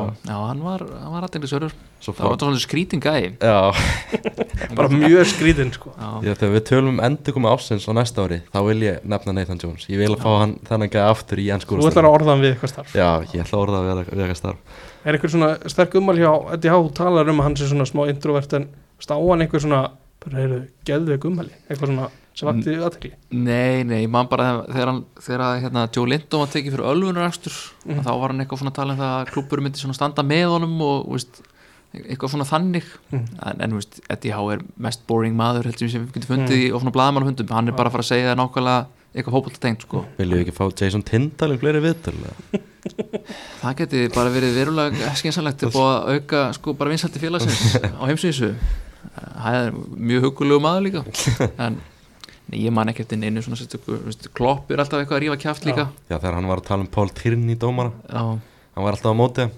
það var gott já og svo náttúrulega veist, hann bara- Bellingham átti hann góð ummæli líka Já, getur ekki bara gefið einhver krakka Ferrari já, af því að það er bara ekki hægt já, getum ekki fyrir Bellingham þetta er bara líkt þessu já, saman einmitt þannig að hérna, hérna er einn góð frá Nathan Jones þegar hann var að tala um að hann gæti verið hann hefði geta bara verið bara í einhverju þorpi hann í Wales orðið leikumiskennari og átt gott líf með einhverju flottri velskri stelpu svo sagði hann ég vil I want to test myself on every level and there's nothing against Welsh women já, I já, want to test myself já, þetta, er, þetta er mjög gálegt já, hann skrifið það nýður á það að segja þetta Ég bara, þetta er ótrúlega fá þennan meistara aftur í anskoðustöldinu ég það er einast í byggðum hann, já, eins og Stefán Pálsson nefndi og eins og nefndi áður hann er að koma í vekk fyrir þess að mögulega fernu já, það Það er er City. ótrúlegt dæmi sko. slærið það út úr deildabæk Já, já, mitt, svo glæsilegt því að þá Já. komumst við áfram þeir fenguð sánd Já, var hann ekki ennþá að stýra jú, jú, við- já, það er síðan látið fara skummi sér já, hann endist hann í ykkur þrjá mánuði Já. uh, þrjásamt, það er rosa það- mikið ég sko. held, andrúst því ég var að skoða þetta ég held hann hefði bara endst í einn mánuð það er svona þrjár Sko. vikur sko. já, Ég held bara að þeirra við bara svona, ok, þessi gæi er bara, við getum vel ekki bara haldið áfram að hafa hann hérna í starfi en- en En bara, strák trúið veist, það er svona, veist, jú, það er að- oft er að hortið sko bara hvernig, hvernig hérna, leikitin fara og annað og leikstíl og eitthvað svona en stundum er þetta bara hvort að fólkið í kringu þau hafi trúa þér Mhm. sko, já, bara til þess að valda þessu starfi algjörlega sem verðist ekki hafa verið Nei, það var ekki, sannlega ekki þannig og alltaf bara sumarið er að fara að byrja núna það veist, silly season í hans úrstöldinni það er alltaf ógislega gaman að- að fylgjast með því við erum alltaf eftir úrstöldleikinni FF byggunum, þar sem maður City og United mætaðist og svo er úrstöldleikinni öllum Evrópu keppnum eftir uh, allra auðvitað á Inter mann City úrstöldleik meistarlinnar, verður áhugavert að sjá hvort City klára þrenna, en svona stærstu söguna fyrir, fyrir sumarið það er strax, uh, svona slúðupakkanir eru að verða þykkari og það eru gaman að fylgjast með þessu á næstu vikum uh, Harry Kane, til dæmis, þú veist, hvað gerist við hann hann er efstur áskalist að Master United uh, Erik Tag vill hann- fá hann af fá hann mest af öllum Já, já. í, í sumar Ég held að sé líka bara gott mats fyrir báða þaðla þarf, ég veit ekki hvernig þetta virkar þarf ekki að ganga frá eigandarskiptum eða Jú, það Eh, það, komi ljós hvort þeir verði áfram það er svona einhvern veginn svona stærsta hindrun í þessu öllu saman hvað verður um eigandamál Master Já, en United hvernig geta þær verið að eyða öllum þessum peningum í Anthony en tími ekki að henda þessu í Harry Kane það er Já, stórfyrirlega Ah, það er enda mér skrið Það er gaman að fylgjast með Harry Kane í Master United næst tímbli svo náttúrulega með Tottenham þeirra eftir að ráðan í að stjóra Liverpool, þeir, það er Alex Makkalistar þeir það eru að klára Alex McAllister og mm. munu örgulega bæta við þessu fleiri leikmönnum svo eru gaman að fylgjast með hvað Núkasól gerir Já, já. fyrir meistarlega barna Það verður eitthvað svona klókt og sniðut ekkert eitthvað, eitthvað flashy, Mhm. held ég Arsenal alltaf að bæ- styrkja leikmenn á sinn fyrir næst tímbli City, hvað, þú veist, hvað gera þeir Að, þú veist, taka þeir neymar kannski eru þeir eru örugglega búin að ganga frá okkur sem við vitum ekki af sko. Já, þeir gera örgulega eitthvað, taka þeir eitthvað, neymar svona- þetta er enda, ef eitthvað liði ætti að taka neymar þá væri kannski sitt bara lífga þessu upp að- Já, sko bara, Guardiola nennir ekkert að vinna með ykkur vill sko. Nei, eh, svo er það hann bara vil vera með heilstuttum personum Mhm. sem maður segja það sjálfur mörgótt mm -hmm. bara, fyrst er að personan og svo hvort hann geti eitthvað hópulta mm. það eru ógeðslega, ógeðslega gaman að að fylgjast, fylgjast með þessu um, kannski bara svona lokum, kannski mér langum bara þótt að segja enski boltinn að minnast á þessa ótrúlegu loka umferðana í Þýskalandi á Já. lögadag þetta var ruggla dæmi og ég var að horfa mm. á meðan að Jón Július var fyrir vestan já, já, þá tók ég þetta að mér Mm. ég bara var orðlaus þegar var að líða á þessa leiki sko. bara, hvernig ætlaði hann á að tjóka enn eina Já. Ah. ferðina Dortmund einmitt Hva, og þeir, hver, hvernig fóruð þeir að þessu? bara, eh, ég er óskiljanlegt Mhm. Mm. því að þeir eru miklu betra lið heldur en mæns þetta er bara snýst bara með hausinn sko. og ég sá þeir voru bara með eitthvað 5 í XG eða eitthvað hann fjóra, fjóra kom eitthvað þetta er bara gali á ég var hor horfði ekkert á bæinleikin þannig að ég man svona heyrði á tíðundunum þegar að bæði hérna og Köln Köln, skorar Köln jafnar og svo þegar að Musiala skorar sigumarki Já, hann tryggið þeim titilin í stöðunni 1-1 þegar að Dortmund er með titilin þá hættir Dortmund bara eitthvað að leita marki já. bara tekur hérna góð, gott kortir það sem að gerist ekkert í leiknum Mm. það er svona held ég svona keirist aftur upp þegar þeir heyra markinu og, marki, og hann að jöfnumarki kemur bara seint sko.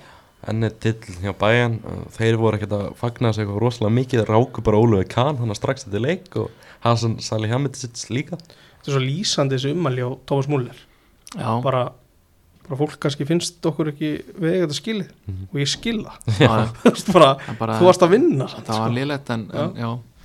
Já, já, þetta Ég- var svo mikið lámarskrafa já, já þeir eru náttúrulega bara í þeirri stuðu að þeir, ef þeir vinni ekki titilin afgjörandi þá er þetta bara flop sko. Já, já. þetta var skemmtilega tímambil samt í Þískalandi en já, já. Já, þetta var Mhm. þetta skemmtilegt tíðanbili í, í mörg, mörg ár en ég, ven- ég mér veist nú bara sta- starfandi sko fjá íþjóttafélagi veist mér nú alveg algjörlega fáránlega vinnubröð að reka frang, stjórnarformannin Mhm. og yfirmann knarsnumála bara á vellinum þegar liði verði mestari og Kahn Það var og, talaði sko, ótrúlega- og búa til eitthvað svona eitthvað, eitthvað svona mjög svona vond andrumsloft í kringum ykkur, þeir, þeir voru að vinna titilinn sko, bara með ykkur kraftaverki Geðu viku Já, veist, nei, veist, og hvern, hvernig, all- hvernig ætlað þú að laða inn í að starfa hjá bæinn munn sem framkvæmtastjóri ef þú ert rekin á vellinum þó þú verði meistari Mhm. þetta er kannski bara einhvern svona feelingurinn hjá bæinn bara, eitthvað- bara allt og stórt fyrir allt Þeir eru eitthvað örugglega búin, örugglega búin að rýna í einmitt þjó- stjóraskipti núna á tímabili bara farið í ferli, bara Hvað þetta var gerðist? ekki í lagi Já, betur, hvað er ekki hægt að gera þetta daginn eftir? Ég ég segi það, okkur var ekki hægt að gera þetta bara eftir Bara viku eða eitthvað? snirtilega á Já. skrifstofun í staðan fyrir að hann bara vera að tilkynna Ólver Kanad og velli hann bara fyrir framann hann ætlaði að fara að Gaman. fagna með liðinu Já, hann bara nei, þú mátt ekki fagna það, við erum búin að ákvæmna að Já. þið fara Þetta er ekki Hann bara eitthvað, ha? þetta er líka góðsögn hjá félaginu Já, Nákvæmlega, já. þetta er bara algjörlega til skammar þessi, þessi, hérna, þessi framkoma Einmitt. veist, alveg samakort að hún sé rétt eða raung mm veist, bara þetta er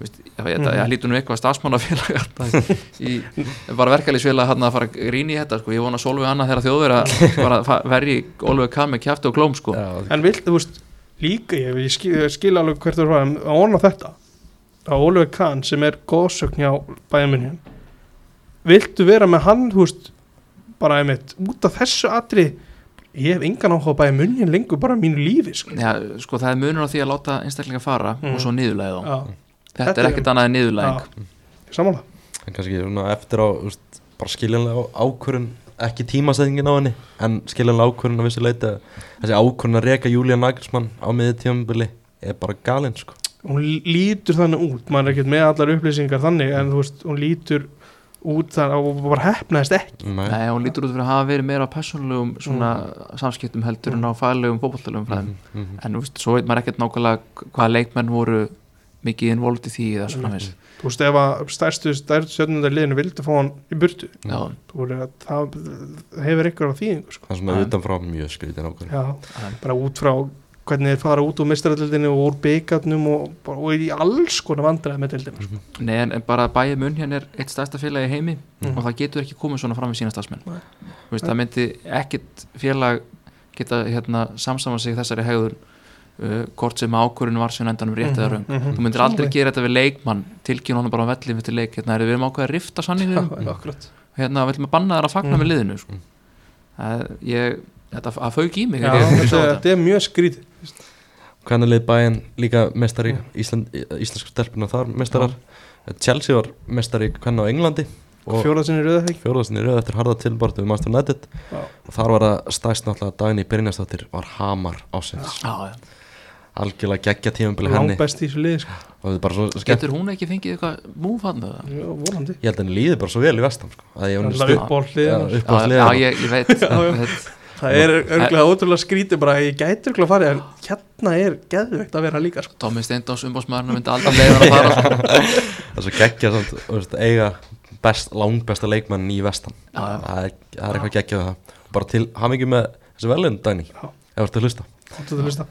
og bara þá heldur þetta sem komið okkur í dag bara takk hérlega Jón Július fyrir, að- fyrir að koma Já, takk fyrir að hafa mig Já, til hamingi með frábært tímbil hjá Núkasúl Já, vonandi er það fyrsta á morgun og og vonandi, vonandi grindvinga bara eins, eins gótt tíðanbili hérna heima Já, þetta vonandi bara smellur allt hjá okkur í sumar við, ver, við erum með eitthvað fleiri þetta á Við tökum örgulega eftir FA Cup og mestaldina bara Já. Já. þannig að bara- Pámitt sitt í manni annarkvæmt og jafnvel United sjá hann til og ef það er eitthvað sittimann þarna sem vilja koma að tala við okkur bara endilega heyri í okkur þeir gera það bótt bara takk, Við kveðjum úr Túli stúdíun já, takk fyrir að hlusta